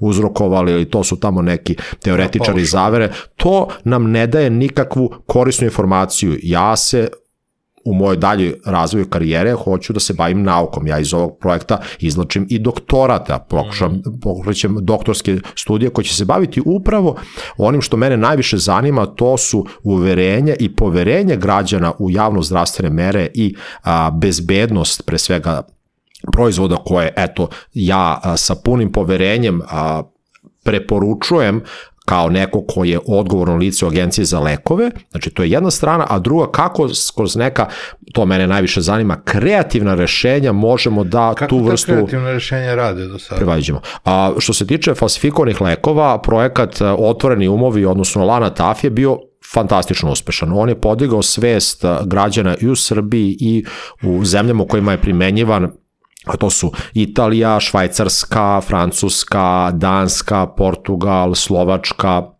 Poljska, Jermenija i tako dalje, Hrvatska, znači preko 10 zemalja je prevelo ovaj mhm. strip o falsifikovanim lekovima, upotrebilo ga u kampanjama i dovelo do toga da imamo pojačan broj prijava na a, falsifikovane lekove kod one grupe koje ranije nikada nije smatrala da je to ikakav problem, a to su tinejdžeri, pa čak i deca školskog uzrasta. Wow. Ja lično sam imao situaciju da sam u osnovnoj školi Nadežda Petrovića na Novom Beogradu pre više godina, ovaj projekat koji inače od 2015. traje. Evo ja sada ove godine imam jedan veliki festival a, koji će se uz pokroviteljstvo Skupštine grada Beograda održati na Kalemednanskoj tvrđavi a, u oktobru prvog vikenda oktobra, 6. i 7. oktobra a, ovaj, a, ove godine, znači a, i dalje pričamo o tome i dalje se dešava da ja sasnem od klinaca sa kojima razgovaram i promovišem strip kod njih mm -hmm. o neke operativne informacije sa terena. Škola Nadežda Petrovića, mislim da je 2016. godina. A, klinci, osmi razred, a, dva razreda, ja im držim kao predavanje, ništa me ne slušaju, ništa ih ne zanima, oni hoće da ja njih uverim da sam ja čovek kojem oni mogu da povere neke informacije. Ali ja to na početku tog predavanja to jest tog razgovora, ni ne znam. I mi sada krećemo upravo ono što je meni srž mog posla, diskusiju. Oni mene pitaju, aha, a ko ste vi, a šta vi radite, a gde vi radite, a koliko radite, kao, ovaj, kao neko ispitivanje u policiji, maltene, znači, isledništvo, ali sad to ceo od njih su dva razreda nabili u tu učionicu i kad se završilo 45 minuta, ja gola voda, znači više ne znam šta radim, ja sam imao koncept da ja njima kao držim predavanje, pa to bude interaktivno, pa da mi bude zabavno, pa mi zajedno da čitamo strip, pa da ja kroz strip njih učim, imao sam i projektor i sve to, ma kakvi. Ništa od toga nismo radili, ali kad se završilo 45 minuta, taj čas, ono kako oni imaju, imaju za te svrhe, oni su rekli, ok, Mi vama verujemo da ste vi to što se kažete da jeste, mi ćemo sad vama da ispričamo nešto što su oni znali i pre nego što sam došao, a to je da preko jedne Facebook stranice dečacima i devojčicama se prodaju anabolički steroidi, znači, pazi, to je osmi razred osnovne škole, ali nije nemoguće, ja sam to video i, i, i u moje vreme čak su se pojavili ti steroidi u osnovnim školama i preparati za mršavljanje i neke ovaj, a, sedativi, znači benzodiazepini i tako dalje, mhm. dolazi preko Facebook stranice, neko im to prodaje, donosi im u školsko dvorište I oni meni kažu koja je to stranica. Ja to prijevim policiji. Oni sad dalje a, ove, istražuju to, naravno, odmah obore stranicu, ali a, mi nemamo resurse da se time bavimo. Ja nemam kada a ni policija, odeljenje za visokotehnološki kriminal, nemaju resurse, njima su ipak fokus deče pornografija broj 1, zatim trgovina narkoticima, oružjem i tako dalje, falsifikovani lekovi prosto nisu na vrhu te liste i nemaju dovoljno ljudi da sad oni rondaju po Facebooku i da traže neke stranice gde se prodaju neki sumnjivi preparati. Ali kada im se kaže, i te kako će da istraže. Ja sam, zahvaljujući ovom stripu, uspeo da dođem do poverenja dece koji su meni dali neke operativne informacije. Isto se desilo kada sam išao na udruženje a, ma, plavi krug a, za obole od diabetesa, pa ima plavi kružić za decu obole od mm -hmm. diabetesa. Oni su mi recimo ukazali za prodaju ovaj, a, a, penova preko, a, preko društvenih mreža, za koju recimo nikada nisam čuo pre toga, opet prijava policija, ministarstvo zdravlja, istraga i tako dalje. Znači, tako da se pokazalo da kroz strip koji je njima vrlo originalno, neočekivano rešenje, može da se utiče na to da ne samo da se poveća svest i da oni ne posegnu za tim a, mm. izvorom opasnih proizvoda za koje nisu ni pomišljali da su opasni, već da mi daju čak i konkretne informacije. Znači, povećanje i promena svesti je nemerljivo. Znači ja sad ne mogu da znam da li se manje tražilo falsifikovanih proizvoda ili nije ili prodaja preko interneta opala, jer nikakvog podataka o tome zvanično nema, jer to je uglavnom ilegalni promet. Ali ono što sam vidio jeste da je značajan porast prijava to i to se desilo u drugim zemljama. A to je, ta, to je to poverenje u institucije, znaš, poverenje u institucije i ali nekako kao da, da, da, da postoji neka karika koja nedostaje između mladih, između ljudi na terenu i institucija, kao da tu postoje ti neki komunikatori, taj neki nivo ljudi sa kojima možeš da komuniciraš i da preneseš informaciju i da ta informacija dođe do, do neke finalne destinacije, jer Znaš, e, recimo mi ovde imamo kružni tok na, o, jako blizu i kod nas je konstantno ono, potpisivanje po kružnom toku i ono, driftovanje i slično ti kada nazoveš policiju, ti treba da ostaviš milion i jednu informaciju i svoje podatke i adresu i broj telefona i ovo i ono. Sve zbog te neke zaštite od pogrešnih dojava i slično. Dok oni dođu na teren i, sl i slično, ti si izgubio i želju da bilo šta prijavljuješ. Da. Tako da, znaš, taj neki nivo komunikatora koji će prihvatati informacije šta se dešava okolo bi bio mnogo, mnogo dobar, a mislim da taj neki nivo koji ti trenutno radiš, baš to i znači da da takve stvari koje, koje radiš otvaraju Pa jeste, ja se, ja se radujem tome što s jedne strane postoji taj operativni deo, recimo borba protiv falsifikovanih mm. lekova ili nekih drugih javnozdravstvenih problema, postoji i taj edukativni deo podizanja svesti koji je jako zabavan, zanimljiv. Ja sam otišao na poslu u državnoj instituciji i pravio strip.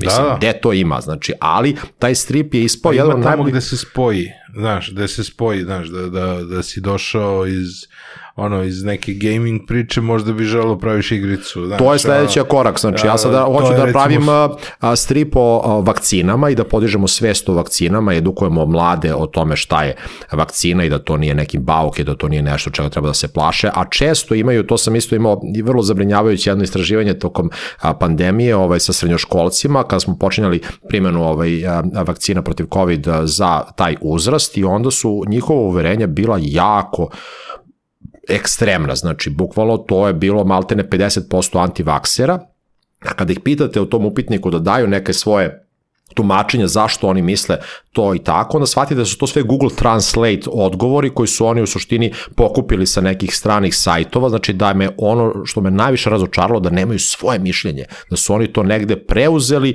i uzeli kao gotov proizvod i da se čak, eto, nisu potrudili da malo to prilagode srpskom jeziku. Ja, oni će reći da je to njihovo mišljenje, ali je to e, mišljenje nekog identiteta kome oni pripadaju. Znaš, sa kojim se slažu i onda se, tako se jako, e, preko identiteta preuzimaš mišljenje grupe.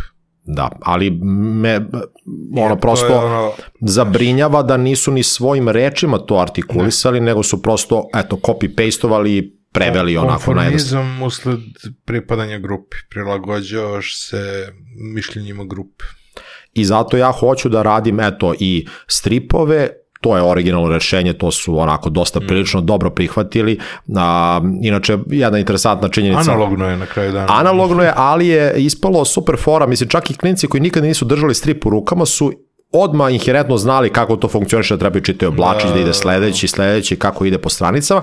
Ono što je meni bilo posebno a, a, drago jeste da je ovo omaž Alanu Fordu. Znači, Ličiš na Alan Forda. Jeste. A, teo da me tuži Max Bunker zbog ovog stripa. E, je. Ovaj, što je meni šteta, ovaj, baš me onako, sam se smorio inicijalno, ali naravno, pošto mi ovde ne kršimo nikakvo pravo, jel te, nema, ne koristimo ni ime, ni likove, ni priču, onda nije imao zašto da nas uhvati Asocijacija. asocijacija, ali a, on nije shvatao da je ovo, mislim, piše ovde da je nula ovaj, dinara, a ovo je nekomercijalni proizvod, znači ovo mi delimo, ja ovo ću, a ove godine, ja mislim, jedno 3-4 hiljade podeliti na raznim manifestacijama, skoro sam imao jednu tribinu u Valjevu gde sam delio ovaj strip i tako dalje, i ja ga kontaktiram, onako sav oduševljen da kontaktiram ja te mm. idola mog detinstva, autora Alana Forda, on odmah kaže mi ćemo vas da tužimo, ovo ja zovem moje prijatelje, kolege s kojima smo radili iz italijanske agencije za lekove, kaže može da nas tuži ko hoće, mislim ovde nema nikog prava kršenja intelektualne svojine, ove, a mi smo stvari hteli da pravimo zajedno sa njim promociju na Luka Comics and Games, najvećem festivalu a, stripa i igara, a kad se kaže igre, misli se i na video igre i na board gameove u Italiji, 250.000 ljudi svake godine dođe mm -hmm. u to mestarstvo kraj Pize i to je toliko meni bilo žao da on nije bio tamo da učestvuje u tome. Šta se desi na kraju? Mi napravimo promociju, to bude jedan od glavnih događaja na Luka Comics and Games te godine, 2000 a, a, 16.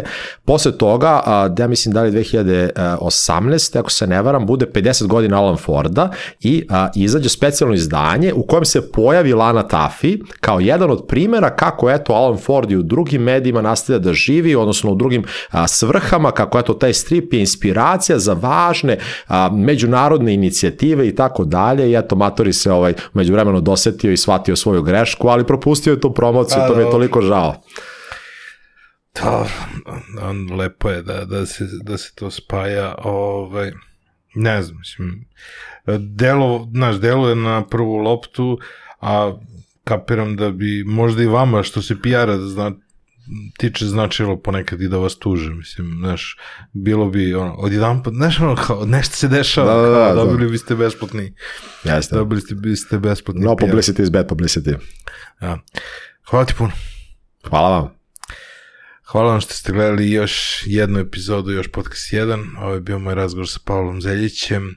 Nadam se da ste uživali. Hvala vam što ste ovde. Ostavite nam neki share, like, subscribe. Hvala našim sponsorima, to su Beans Cafe s kojim sam razgovarao sa Pavletom i to je Scandinavian Design Center u čim smo stolicama sedeli. E, njihove ponude možete pogledati na linkovima u opisu ove epizode.